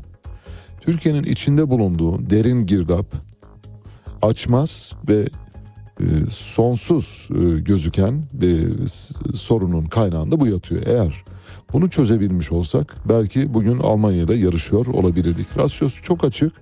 Almanya'daki nüfus kadar çalışanımız olmalı. Almanya'ya göre daha genç olduğumuz halde daha fazla olmalı. Örneğin Türkiye'de çalışan sayısının mesela 50 milyon civarında olması lazım. 85 milyonda 50 milyon net olması lazım ki biz Almanya standartlarında üretim yapabilen bir ülkeye dönüşelim. İşin teknolojik boyutunu geçiyorum. Teknoloji boyutunda Almanya'nın yanına yaklaşamıyoruz. Teknoloji boyutunda işte Polonya ile, Çek Cumhuriyeti ile, Macaristan'la, Slovakya ile falan onlarla yarışabilecek durumdayız. İngiltere, Fransa, Almanya gibi ülkelerle, İtalya gibi ülkelerle maalesef yarışamıyoruz. Sonucu söyleyeceğim şimdi size. Almanya'da bir çalışan iki kişiye bakıyor. Bir kişi çalışıyor, iki kişi yiyor. Türkiye'de bir kişi çalışıyor, üç kişi yiyor. Hatta Anadolu'ya doğru gittiğinizde tabii bu demografik veri Türkiye'nin her tarafına eşit olarak yansımıyor. Örneğin İç Anadolu'da Çankırı, Çorum, Kırşehir, Konya, Kayseri, Yozgat, Amasya, Tokat gibi yerlerde ve Doğu ve Güneydoğu Anadolu'da çok daha vahim. Orayı saymıyorum hiç, oraya girmiyorum. Orta Anadolu'da bir kişi çalışıyor, dört kişi yiyor. Doğu ve Güneydoğu'ya gittiğinizde bir kişi çalışıyor, beş, altı kişi, yedi kişi. Artık Allah ne verdiyse öyle yiyor. Dolayısıyla bu çark dönmez. Bu çarkın dönebilmesi için mutlak surette iş yaşamındaki kişi sayısını artırmamız lazım. Böyle hani işte yok bizim de aslında fena değil gibi şeyler söylüyorsanız rakamlar ortada. Bir kez daha tekrarlıyorum. Türkiye'nin nüfusu 85 milyon, çalışan sayısı 31 milyon. Almanya'nın nüfusu bizden 2 milyon eksik olmasına rağmen 83 milyon, çalışan sayısı 45 milyon. Almanya'nın yaş ortalaması 47, Türkiye'nin yaş ortalaması 33. Bütün veriler, bütün rasyolar bakımından Almanya ile kıyasladığımızda açık bir fark ortaya çıkıyor. Ama her şeye rağmen Almanya bizi kıskanıyor olabilir mi? Olabilir. Bilmiyoruz. Kıskanıyor. Öyle diyor Yiğit Bulut. Almanya bizi kıskanıyor. Almanya bizi kıskanamaz. Almanya'nın kıskanabileceği başka ülkeler var. Mesela Almanya Singapur'u kıskanabilir. Almanya Güney Kore'yi kıskanabilir. Almanya Japonya'yı kıskanabilir. Ama Türkiye'yi neden kıskansın ki Almanya? Ülke Ocakları Milliyetçi Hareket Partisi ve Devlet Bahçeli bahisli bir dosya açıyorum şimdi size. Eski Ülke Ocakları Başkanı Sinan Ateş bildiğiniz gibi öldürüldü ve öldürülme olayı sonrası olayın üzerinin kapatılması ile ilgili epey bir çaba sarf edildi. Daha önce iki kez gözaltına alınan ve serbest bırakılan Milliyetçi Hareket Partisi milletvekili Olcay Kılavuz'un evinden çıkan eski Ülke Ocakları yöneticisi Tolgağan Demirbaş, MHP'nin özel kalem müdürlerinden Emre Y ve avukat Serdar Öktem dün yeniden gözaltına alındı. Bir defa Olcay Kılavuz bu katil zanlılarına yataklık eden, yardım ve yataklık eden kişi Olcay Kılavuz milletvekili dokunulmazlığı kaldırılabilir. Onun da gözaltına alınması sağlanabilir. Çünkü bu bir cürmü meşrut durumu yani suçüstü durumu söz konusu. Bu bakımdan Olcay Kılavuz'un orada korunmasını zaten anlamakta zorlanıyoruz. Ama düşünün daha önce iki kez gözaltına alınıp serbest bırakılan kişiler bu defa üçüncü kez gözaltına alındılar. Bir kamuoyu baskısı oluştuğu için. Bu kamuoyu baskısı nereden sonra arttı? Şuradan sonra arttı. Milliyetçi Hareket Partisi Genel Başkanı Devlet Bahçeli bir toplantı çıkışında gazeteciler soru sormaya başladılar. Gazetecilerden Yıldız Yazıcıoğlu da bir soru sordu. Dedi ki Sinan Ateş meselesi. Daha Sinan Ateş sözcüğü ağzından çıkarken Devlet Bahçeli böyle hafif elinin tersiyle biraz da böyle e, yüksek tondan sen işine bak dedi. Gazetecinin işi bu zaten. Gazeteci bu soruyu sormakla mükellef. Bir fotoğraf var. Arkadaşlarımız bu fotoğrafı getirecekler. Sen işine bak dediği gazeteciyle geçmişte Devlet Bahçeli'nin yan yana çekilmiş şahane bir fotoğrafı var. Bu şahane fotoğraf bir röportajdan sonra çekilmiş. Yıldız Yazıcıoğlu'na geçmişte mülakat vermiş Devlet Bahçeli. Şimdi geçmişte mülakat verdiğiniz gazeteciye bugün ne diyorsunuz? Ajan diyorsunuz, provokatör diyorsunuz. Zaten Kürt aşığı diyorsunuz. MHP'li e, düşmanı diyorsunuz. Bir sürü şey yakıştırıyorsunuz. Dahası Voice of America'da çalışıyor Amerikan ajanı diyorsunuz. Bir sürü şey yakıştırıyorsunuz. Şimdi dün muteber olan gazeteci yan yana fotoğrafı var. Harun gösterecek size. Bugün geliyorsunuz. Gazeteci için söylemediğinizi bırakmıyorsunuz. Voice of America'da çalışıyor dediler. Ve Amerika'nın propaganda araçlarının başında gelen Voice of America'da sürekli görevi asıl niyetini. Ne- Nasıl çalışacaktı mesela Voice of America'da?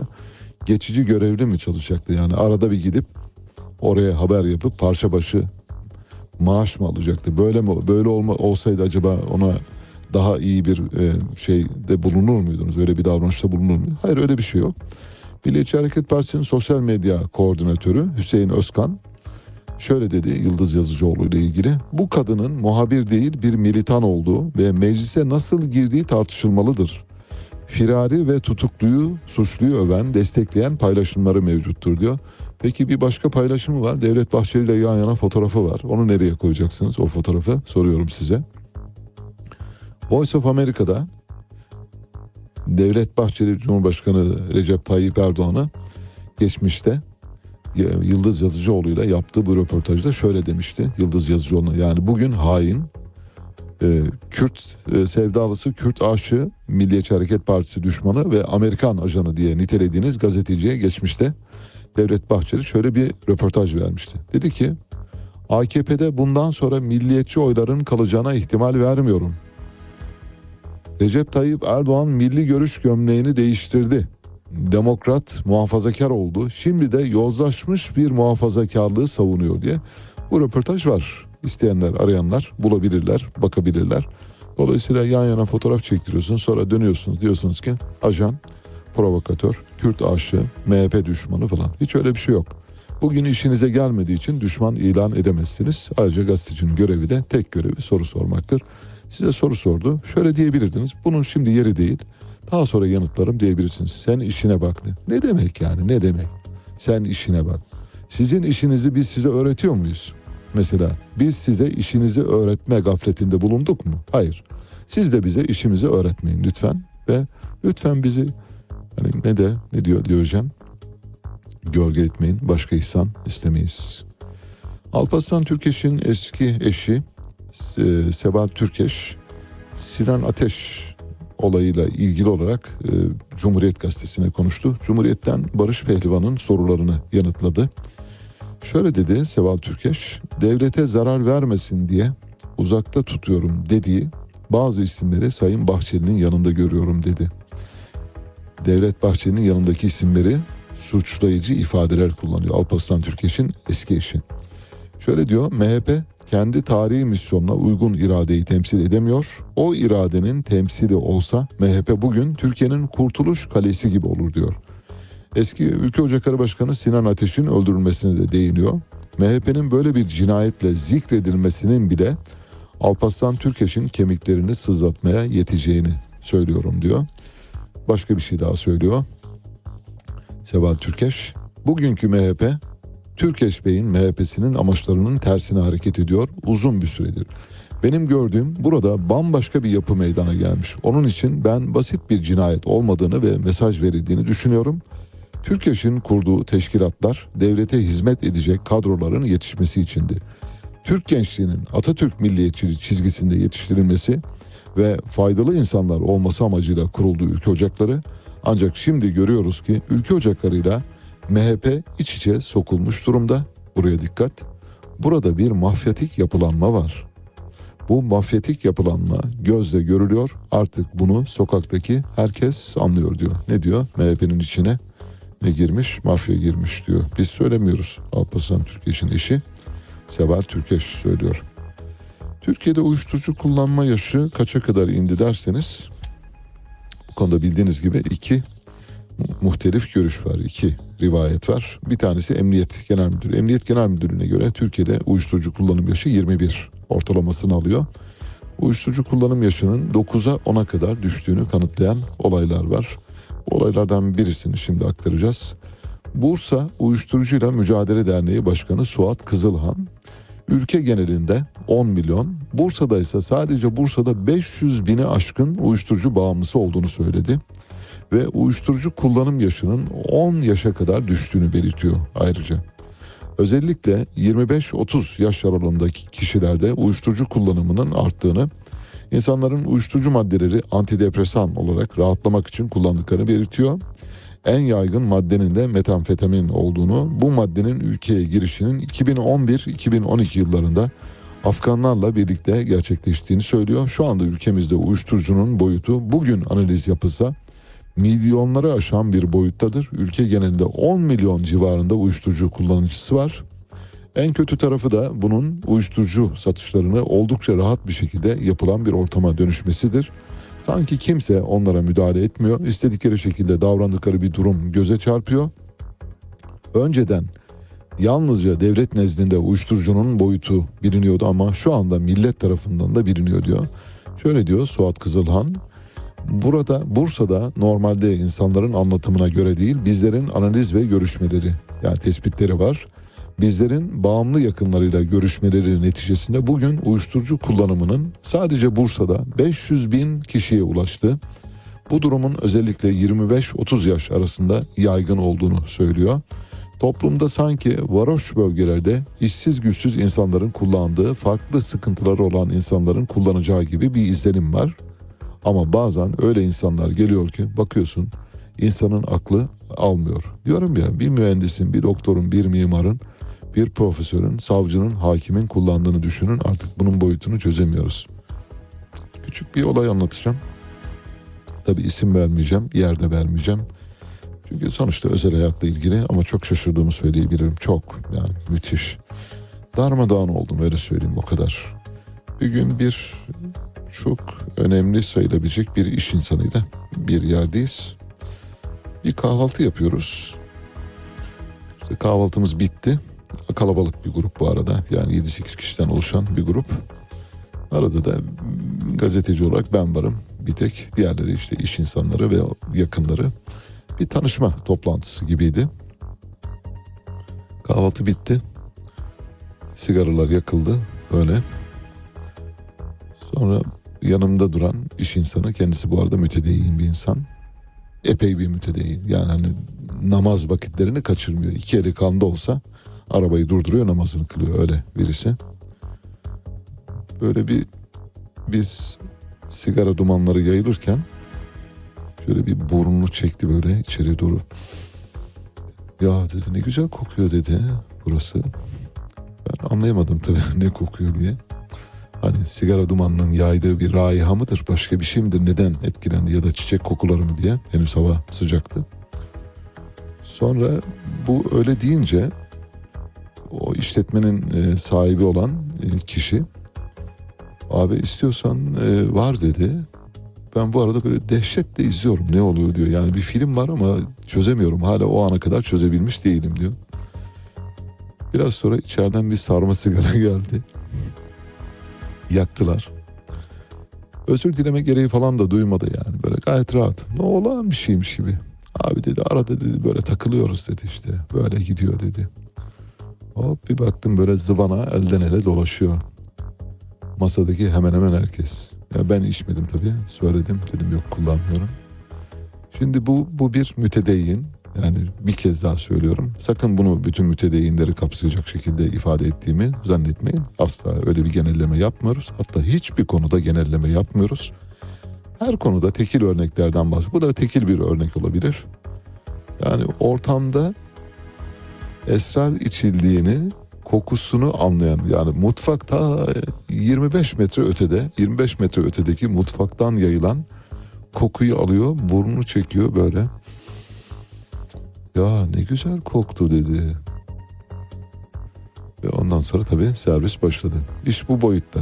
Söylüyorum size. İş bambaşka bir yerde. Gerçekten şu raporlara yazılan çizilen şeylerin ben doğru olduğunu düşünüyorum şahsen maalesef Türkiye büyük bir uyuşturucu bataklığı içinde. Tabii uyuşturucu bataklığı iki sebebe dayalıdır. Bir, ekonomik kaygılar, yaşam koşullarının zorlaşması sizi baskı altına alır. Bundan kurtulmak için içersiniz. İkincisi de keyiften, zevkten içersiniz. Paranız çoktur. Harcayacak yer bulamazsınız. Eh bu da olsun dersiniz. Hayatınıza bir çeşni kazandırdığınızı düşünürsünüz. İşte bu sözünü ettiğim zatı muhterem bu ikinci kişi kategorisine giriyor. Dertten değil zevkten içenler. Evet peki böylece bu bahsi de kapatalım. Saat e, 9'a çeyrek kala bir telefon bağlantımız olacak. HDP Adana Milletvekili Kemal Peköz'le konuşacağız. Halkların Demokratik Partisi Adana Milletvekili Kemal Peköz Büyük Millet Meclisi Başkanlığı'na bir soru önergesi verdi. Dedi ki 2022 yılı içinde hangi parti kaç önerge verdi? Soru önergesi ya da yasa önergesi fark etmez. Ve bu önergelerden kaçı yanıtlandı, kaçı yanıtlanmadı? Bu önergelerden kaçı sonuçlandı, kaçı sonuçlanmadı diye bir soru önergesi verdi. Soru önergesinin ortaya çıkardığı sonuçları dün sizinle paylaşmıştık. Dolayısıyla daha fazla detay vermeyeyim ama dehşet verici. Parlamentonun neredeyse hiç çalışmadığı gibi bir sonuç çıkıyor. Bugün biz e, Adana Milletvekili Kemal Peköz'le bu durumu konuşacağız kendisiyle. Biraz önce sözünü ettiğim tahttan feragat eden ya da aşkı için, sevdası için tahtı terk eden monarklar, krallar, veliahtlar var mıydı diye öyle bir toparlama yaptık. Bu toparlamadan kimi küçük küçük notlar aktarmaya çalışacağım. Bugüne kadar e, bilinen en fazla ses çıkaran, en fazla gürültü koparan tahttan feragat olayı Kral 8. Edward'la ilgili. 1936 yılında e, Kral ve İmparator diye geçiyor o yıllarda. 8. Edward e, Edward'ın ilk kocasından boşanmış, ikinci kocasından boşanmaya çalışan bir Amerikalı e, zengin kadın var. Wallace Simpson. Wallace Simpson'a evlenme teklif ediyor Edward. Ve Britanya İmparatorluğu'nda bu bir anayasal krize yol açıyor. Birleşik Krallık, Birleşik Krallığın dominyonları, İngiliz Milletler Topluluğu topyekun karşı çıkıyorlar kralın evliliğine. Krala diyorlar ki yapamazsınız böyle bir şey. Şimdi dominyonlar 54 ülkeden oluşuyor. Yani İngiltere ve İngiltere ile gönül bağı olan, ticari bağı olan, kültürel bağı olan, tarihsel bağı olan ve organik bağ olan ülkelerin sayısı 54. 54 ülke topyekun ayağa kalkıyor. Kral Edward'a siz bunu yapamazsınız diyor. İngiliz kralı Edward aynı zamanda kilisenin başkanı biliyorsunuz Anglikan kilisesinin başkanı. Kilise şöyle diyor eğer diyor eşiniz hayattaysa boşanmış kişilerin kilisede yeniden evlenmesine izin veremeyiz. Bu durumda sizi evlendirmiyoruz. Kilisede karşı çıkıyor. Şimdi bakın dünyaya karşı tek başına meydan okuyan bir kraldan bahsediyoruz. Hem Simpson'ın potansiyel kral eşi olması konusunda yaygın bir kampanya var, anti kampanya var. Hem de Kral Edward'ın Simpson'dan vazgeçmemesi var. Kral Edward da diyor ki vallahi isterseniz kabul edin isterseniz etmeyin. İsterseniz bütün cihan bir araya gelsin ben bu evliliği yapacağım diyor. Ve en sonunda tabii ki halk kazanıyor. Yani kamuoyu kazanıyor ve kral tahttan çekiliyor 1936'da. Bu dünyada örneği çok az bulunan aşkı için tahtı terk eden kral 8. Edward. Aşk kazandı, kraliyet kaybetti. Bir başka hikaye Prenses Margaret. Prenses Margaret Kraliçe Elizabeth'in küçük kız kardeşi biliyorsunuz. Ee, Kraliçe Elizabeth'i de geçtiğimiz günlerde kaybettik. Prenses Margaret de aşkı için tahttan çekildi. 20'li yaşındaydı henüz. Kendisinden 16 yaş büyük olan babasının hizmetkarı olarak çalışan hizmetkarı derken yaveri tabii hizmetkar ifadesini yani yanlış kullanım olmasın diye ifade ediyorum. Babasının yaveri albay Peter Townsend'le birlikte oluyordu ve Peter Townsend'le evlenmek istedi. 1953 yılında Margaret ablası Kraliçe Elizabeth'e gitti dedi ki ablacığım ben evlenmek istiyorum. Kimle evlenmek istiyorsun? İşte bizim yaverle. Bunun üzerine kıyamet koptu. Kraliçe kardeşine uygun bir koca buluruz dedi. Seni başka biriyle evlendiririz dedi ama Prenses Margaret bunu kabul etmedi. Kraliçe Elizabeth de bu durum karşısında biraz bekle dedi bekleme yalanı. Bekleyince soğuyacağını düşünüyor aşkın öyle bir şey yok. 1960'da Margaret en sonunda planlarından vazgeçti ve başka bir sevgilisi vardı. Anthony Armstrong'un evlilik teklifini kabul etti. Evlilik ilk başta iyi gitti. Yani birden çok kez aşık oldu ve kraliyet ailesi dışında birileriyle evlenmek istediği için maalesef kraliyet ailesi dışında evlenebilirsiniz ama soylu olması şartıyla yani bir asilzade bir aristokrasiye dayanması gerekiyor. Öyle olmadığı takdirde halktan biriyle evlenemez. Yani krallar işte mavi kanlı insanlar dolayısıyla. Ve Prenses Margaret'in de maalesef hayatı e, çok iyi sonuçlanmadı ve 1978'de o büyük aşkla evlendiği eşinden ayrıldı. Şu andaki kral 8. E, 3. Charles 3. Charles'ın hikayesini zaten hepimiz çok yakından biliyoruz. 3. Charles çok dramatik bir e, ilişkiler zincirinden sonra tahta çıktı. Ömrünün artık son deminde e, tahta çıkmak nasip oldu.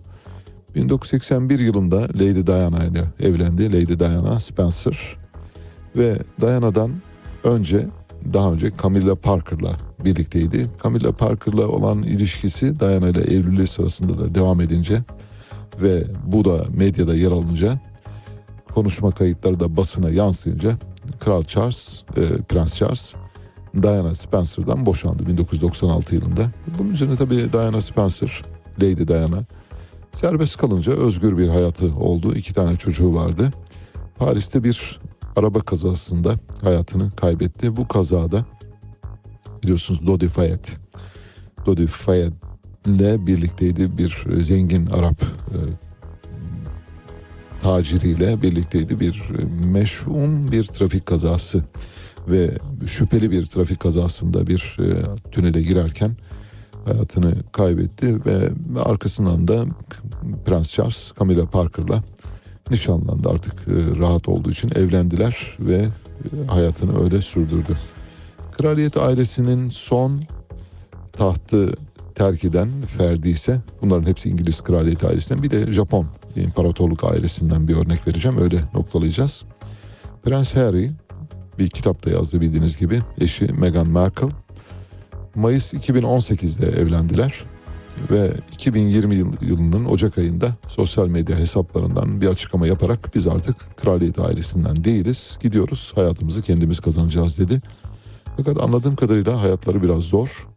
Evlilikleri henüz iyi gidiyor. Henüz çatırdamadı. Ama bir süre sonra evliliklerinde de kara kediler dolaşmaya başlayabilir.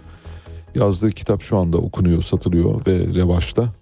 Bu kitapta böyle çok önemli devlet sırrı niteliğindeki bazı bilgileri de afişe etti. Örneğin Afganistan Savaşı'nda 25 Taliban'ı öldürdüm dedi. Biraz önce paylaştık. Ee, Talibanları vururduk. Talibanlar kendi cenazelerini alamazlardı. O cenazeleri e, oradaki aç köpekler yerdi diyecek kadar da vahşi bir anlatım tarzı kurmuş durumda. Son kraliyet ailesiyle ilgili tahttan feragat olayı fotoğrafı da var. Ee, Harun gösterebilirse hoş bir fotoğraf. Böyle birbirlerinin gözlerinin içine bakıyorlar. Hani gözlerinin içinde erimiş bir çiftten bahsediyoruz.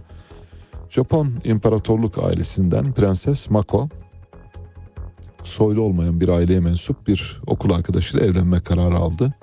Tabii bütün imparatorluk ailesi karşı çıktı. Şu anda dünyada imparator unvanını kullanan bir tek Japonya var. Bildiğiniz gibi Japonya hala imparator duk diye geçiyor. İmparator Naruhito'nun yeğeni aynı zamanda Prenses Mako evlilik için kraliyet töreni yapmadı ve kraliyet ailesinden ayrıldı. Kadın üyelere sunulan ödemeyi de geri çevirdi. Benim aşkım bana yeter dedi. Demek ki aşk her şeyden feragat etmeyi gerektirebiliyor zaman zaman. Birkaç küçük haber ver arkasından telefon bağlantımız olacak sonra biraz da gazeteleri göz atacağız. Avrupa Birliği kripto varlık tutan bankalara katı kurallar getirecek. Neden? Çünkü kripto varlıklar e, normal para birimlerinin yerine geçmeye başladı. Doların ve euronun yerine ikame edilecek gibi bir tehdit sezdiler. Bu yüzden Avrupa Parlamentosu Ekonomik ve Mali İşler Komitesi Uluslararası Bazel 3 anlaşmasının uygulamasına yönelik yeni kuralları içeren bir yasal düzenlemeyi dün kabul etti. Buna göre Avrupa Birliği bankaları gelecekteki ekonomik koşu, e, şoklara karşı daha dayanıklı hale getirilecek. Bazel 3 anlaşmasının ilgili sermaye kuralları 2025 yılı başında uygulamaya girecek.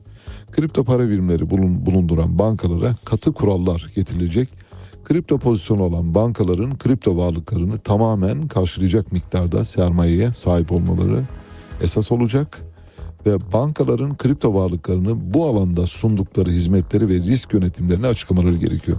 Burada belki de üzerinde en çok durulması gereken kripto varlık e, bulunduran e, kuruluşlara yaptırımdan ziyade karşılık bulundurma zorunluluğu getiriyor. Şimdi diyor ki eğer kripto varlık bulunduruyorsanız o zaman karşılığını koyacaksınız arkadaş. Karşılığını koymazsanız size bu hakkı vermem diyor. Peki Avrupa, Avrupa Birliği'ne soruyorum ben de buradan. Şimdi sesleniyorum ve Amerikan Merkez Bankası'na da soruyorum. Mesela doların karşılığı var mı? Yani dolar basıyorsunuz böyle şakır şakır basıyorsunuz. Karşılık ayırıyor musunuz? Hayır. Euro basıyorsunuz. Karşılık ayırıyor musunuz? Hayır. Şakır şakır basıyorsunuz. Peki neden kripto varlıklara karşı karşılık ayırma koşulu getiriyorsunuz? Çünkü doların ve euronun egemenliğinin ortadan kalkabileceğini düşünüyorsunuz. Böyle bir korku içindesiniz maalesef. Bir başka haber var. Onu paylaşacağım. Bu bence son derece önemli. Bunun üzerinde önümüzdeki günlerde ayrı bir çalışma yapacağım. Daha detaylı anlatacağım ama bugün sadece bir ön bilgi teaser olması bakımından söylüyorum. Dün Rusya'dan şöyle bir açıklama yapıldı. Rusya e, Maliye Bakanlığı'ndan dediler ki bir yeni para birimi üzerinde çalışıyoruz Rusya. Bu para birimi BRICS ülkeleri nezdinde bir ortak para birimi olacak. BRICS ülkelerini biliyorsunuz Brezilya, Rusya, Hindistan, Çin ve Güney Afrika'dan oluşuyor. Bu beş ekonomi bir araya gelip bir para birimi oluşturacak. Bir para birimi oluşturmak tabii böyle bugünden yarına olabilecek bir şey değil. Yıllar sürecektir muhtemelen ama böyle bir yola girildiyse bu Amerika Birleşik Devletleri açısından ve Avrupa Birliği açısından tehlike çanları. Biraz önce kriptodan yola çıkarak söylüyorum. Daha büyük tehlike bu aslında. Şöyle düşünün. 3 dakika sonra telefonumuz e, bağlanacak. Şimdi Çin dünyanın en büyük e, nüfus potansiyeline sahip olan ülke. 1,5 milyarın üzerinde. Hindistan da 1,5 milyar sınırına yaklaşmış bir ülke. Dolayısıyla Brezilya 300 milyon civarında bir ülke. Üst üste koyuyoruz. E, Rusya'da e, hatırı sayılır bir nüfusu var. 140 milyon üzerinde 150 milyon civarında bir ülke. Güney Afrika'da öyle e, nüfusu kalabalık bir ülke. Bu ülkeleri topluyorsunuz. Dünyanın yarısından fazla ediyor. Yani nüfus bakımından dünyanın yarısından fazla olan ülkeler. Bunu cebimize koyduk mu peki? Öbür cebimize şunu koyalım. Dünya GDP'sinin gayri safi hasılasının yarısından fazlasını oluşturan ülkeler aynı zamanda bunlar. Yani Rusya ile Çin'i, Hindistan'ı, Brezilya'yı, Güney Afrika'yı yan yana koyduğunuzda Avrupa Birliği ve Amerika'nın toplamından daha fazla ve dünyanın geri kalanının toplamından daha fazla büyük bir hasıladan bahsediyoruz. Demek ki ortada şöyle bir tablo var. Hem nüfus bakımından yani nüfus demek pazar demektir. Hem zenginlik bakımından oluşan gayri safi hasıla bakımından dünyanın yarısından fazlasını oluşturan ülkeler grubu. Dolayısıyla BRICS ülkeleri aslında güçlü bir örgütlenme. BRICS'in sadece organik olarak bir araya gelip bir Avrupa Birliği momentumuyla hareket etmesi durumunda BRICS'in önünde hiçbir güç duramaz öyle söyleyelim. Hakikaten Avrupa Birliği normları çerçevesinde bir birlik kurulabilse tıpkı Avrupa Birliği'ndeki mali kurallar, bankacılık kuralları, sermaye piyasaları kuralları, ithalat ihracat kuralları, dış ticaret kotaları ve benzerleri oluşturulabilse BRICS içinde organik olarak bir arada hareket edebilseler şu anda BRICS dünyayı dağıtır. Net söylüyorum. Bu para birimi oluşması tabii önemli. Para birimi eğer geliştirilebilirse hem doların hem euronun hatta ve hatta e, Japon yeninin hatta ve hatta İsviçre frankının hatta ve hatta İngiltere poundunun sonunu getirebilir bu oluşum. Bu bugün olabilir mi? Çok zor. Üzerinde çalışılabilir mi? Evet çalışılabilir. Ne kadar zamanda olur bilinmez. Peki e, BRICS ülkeleri yeni bir para birimi oluşturmaya başladığında Amerika Birleşik Devletleri bunu uzaktan seyreder mi? Hayır seyretmez. Amerika Birleşik Devletleri ne yapar? Amerika Birleşik Devletleri daha önce de söyledik doların egemenliğine karşı ortaya çıkan güçleri ortadan kaldırmak için dünyayı yıkar. Üçüncü Dünya Savaşı'nı çıkarabilir ama dünyada elbette bir e, ne derler jandarmasız bir şey değil. Dünyada da elbette yani diğerlerinin de eli armut toplamıyor. O yüzden Amerika Birleşik Devletleri için zor günler geliyor. Yani bugünkü kadar kolay hareket edemeyeceği bir dönem geliyor. Hem Amerikan parası açısından Amerikan parası demek Amerika devleti demektir. Amerikan parasını ortadan kaldırdığınız zaman zaten Amerika diye bir şey kalmıyor. Avrupa Birliği için de benzeri şeyi söylemek mümkün olabilir. Bakalım büyük olaylara gebe diye düşünüyoruz dünya finansal piyasaları. Geldik telefon bağlantısı saatimize. Halkların Demokratik Partisi Adana Milletvekili Kemal Peköz'le konuşacağız. Kemal Peköz bir soru önergesi verdi ve parlamentoda 2022 yasama yılında kaç soru önergesi ya da kaç yasa önerisi verildi? Bu önergelerin, önerilerin kaçı sonuçlandı, yanıtlandı, kaçı yanıtsız bırakıldı diye ortaya çıkan sonuçları dün paylaşmıştık bir bölümünü. Neredeyse sıfıra yakın yani parlamentonun neredeyse felç edilmiş, iyiliş edilmiş, paralize edilmiş bir durumda olduğunu gördük. Ve, ve parlamento içinde e, az sayıda da olsa çalışkan milletvekilleri sayesinde bazı konularda bilgi alma hakkının e, elde edilebildiğini ve parlamenter demokrasinin en azından şekli de olsa yaşatılabildiğini anlamış olduk. Şimdi bugün kendisinden dinleyeceğiz. Bakalım hem bu önergesiyle ilgili sonuçları hem de yankılarını alacağız. Kemal Bey hoş geldiniz. Merhaba, iyi yayınlar. Önce kutluyorum sizi. Ee, Önemli bir önergeye imza atmışsınız ee, ve parlamenter demokrasinin aslında çalışmadığını net biçimde ortaya koyan bir sonuç var karşımızda maalesef. Bu tabii sorunlarımızın sadece bir tanesi yani bunun gibi böyle e, elvan elvan dertlerimiz var ama bu- bunun da konuşulması gerektiğini düşünüyorum. Hem bize önergenizin e, sonuçlarıyla ilgili kendi analizinizi aktarmanızı rica ediyorum. Hem de bundan sonra hani neler yapılabilir? Yani siyasi parti grupları acaba daha farklı yöntemler kullanarak e, meseleyi daha iyi bir noktaya taşıyabilir mi? Yani parlamento bizim e, gözümüz, kulağımız ve bilgi edinme konusundaki birincil e, kaynağımız. Bu bakımdan parlamentoda bir şeyler konuşulabiliyorsa ülkenin insanları da sandığa giderken ya da oy kullanırken bu bilgilerden haberdar olarak hareket edeceklerdir. Bilgi edinme hakkı çerçevesinde soruyorum. Yaklaşık 10 dakika vaktimiz var. Sizi dinliyoruz. Evet. Şimdi bildiğiniz gibi parlamentonun ana görevlerinden bir tanesi, e, daha doğrusu ana görevi e, halkın sorunlarının tartışıldığı bir yer ve halkın sorunlarının dile getirilmesi için verilecek olan soru önergeleriyle ilgili cevapların alınması ve bunların gereklerinin yerine getirilmesidir. Şimdi 2022 yılı içerisinde e, bütün partiler olarak 20.502 tane soru önergesi vermiş. Bunların e, 204 tanesi hiç işleme alınmamış çeşitli sebeplerle. Bunlar bazen işte rencide edici bir ifade kullanıldı falan deniyor. Mesela bir katile katil dediğiniz zaman niye katil dediniz diye soru önergeniz iade edilebiliyor örnek olarak. E, 262 tanesi hiç işleme alınmadan iade edilmiş. 204 tanesi hiç işleme alınmamış iade edilenler dışında. 7192 tanesi geç cevap verilmiş. Yani 15 gün içinde cevap verilmesi gerekirken bazen 2 ay, bazen 3 ay, bazen 5 ay, bazen 6 ay sonra cevap verilmiş. 8423 tanesine hiçbir cevap verilmemiş. Dolayısıyla 4421 tane soru önergesi cevaplandırılmış. Bunların içerisinde önemli ölçüde bizim de soru önergelerimiz var. Çünkü e, bizim partimizdeki arkadaşlarımız, milletvekillerimiz hemen hemen her gün soru önergesi veriyorlar. Ben de sık sık soru önergesi veren vekillerden bir tanesiyim. Çünkü çok fazla sorun var, çok fazla tartışılması gereken konu var. Bunları da eskiden olduğu gibi bakanlar meclise gelmedikleri ve mecliste bakanlara soru soramadığımız, kendilerine doğrudan ulaşamadığımız için e, sorular yoluyla bunların cevaplarını almaya çalışıyoruz ama böyle bir şey olmuyor. Şimdi e, Cumhurbaşkanlığı hükümet sistemine geçildikten sonra özellikle e, meclisin fonksiyonları önemli ölçüde geriletildi. Sadece bir onay mevkii, bir noter durumuna düşürüldü ve dolayısıyla da her hafta 3 gün salı, çarşamba, perşembe günleri AKP ellerinde birer tane çuvalla geliyor. Çuvalın içerisinde birden fazla yasa oluyor. Bu yasaların e, ne olduğunu çoğu zaman e, iktidar partisi milletvekilleri de ne Bilmiyor tabii. bilmiyor. Bizler de pazartesi günü haberdar oluyoruz gelecek olan yasadan ve bununla ilgili çalışma yapmamız isteniyor. Şimdi böyle olduğu zaman tabii gerekli e, verimli çalışmayı yapmak mümkün olmuyor. Şimdi Cumhuriyet'in 100. yılından söz ediyoruz. 100 yıllık bir Cumhuriyet'ten söz ediyoruz. Ve bunun 20 yılında AKP iktidarda. Ve ortakları tabii e, resmiyette olmasa bile ortakları ve beraber iktidarda.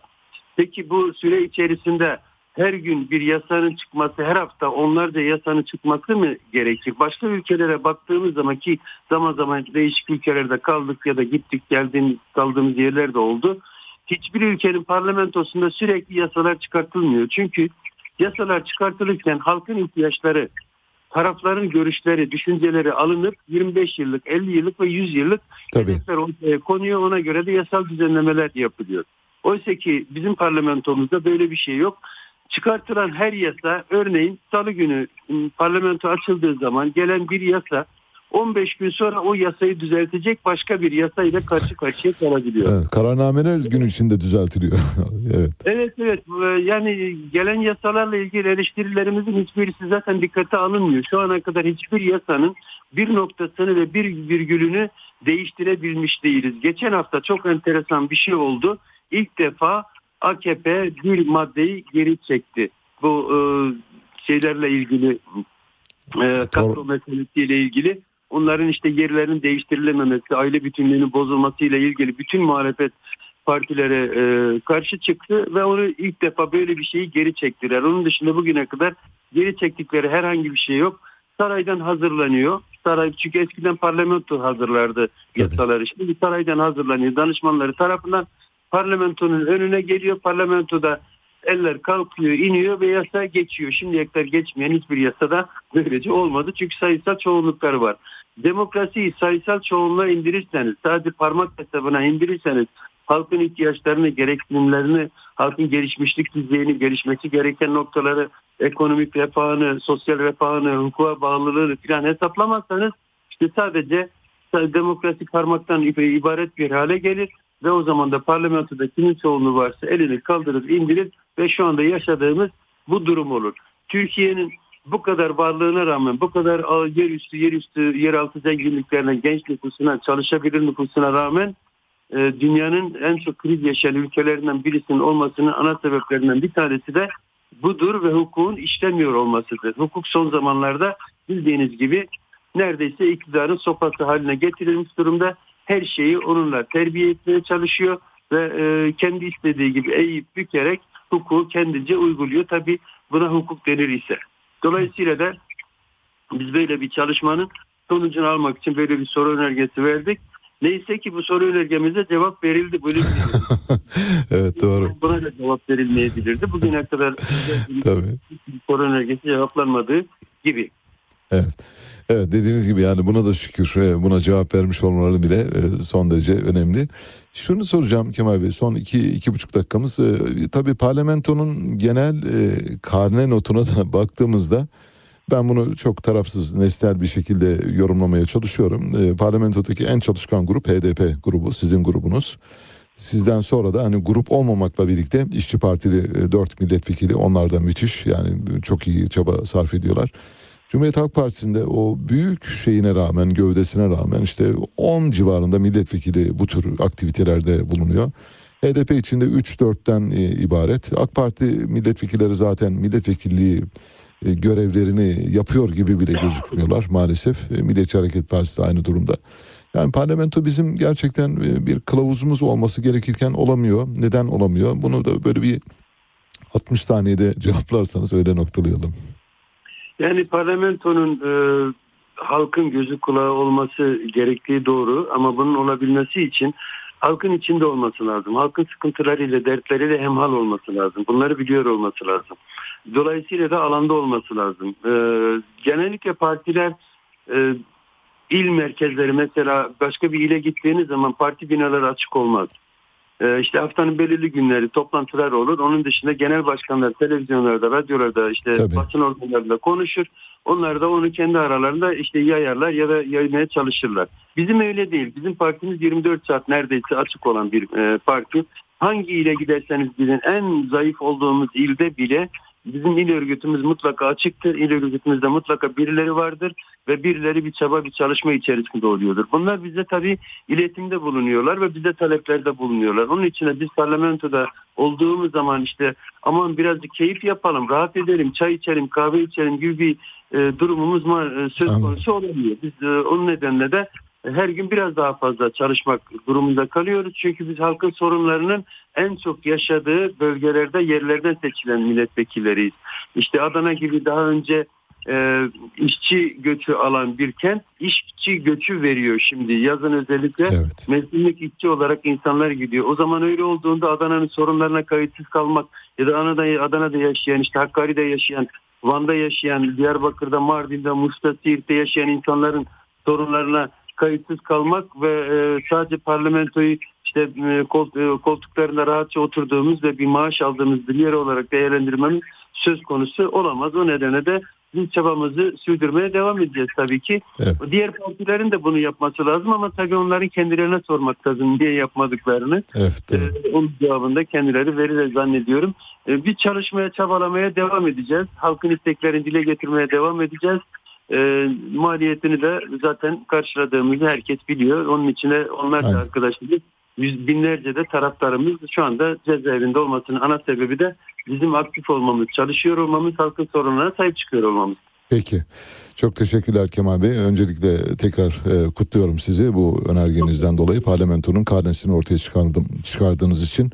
Halkların Demokratik Partisi Adana Milletvekili Kemal Peköz'le konuştuk ve böylece bu yayının da sonuna geldik. Bu programı kumanda masasında Halil Balota, editör masasında Harun e, Erozbağ'la birlikte gerçekleştiriyoruz. Birazdan Mehtap Yenidoğan saat başı haberlerle karşınızda olacak. Size Sister Rosetta ile veda ediyoruz. Sister Rosetta'yı belki de Sister Rosetta yapan en önemli parçası, ilk çıkış parçası Down by the Riverside. Hepinize çok güzel bir gün diliyorum.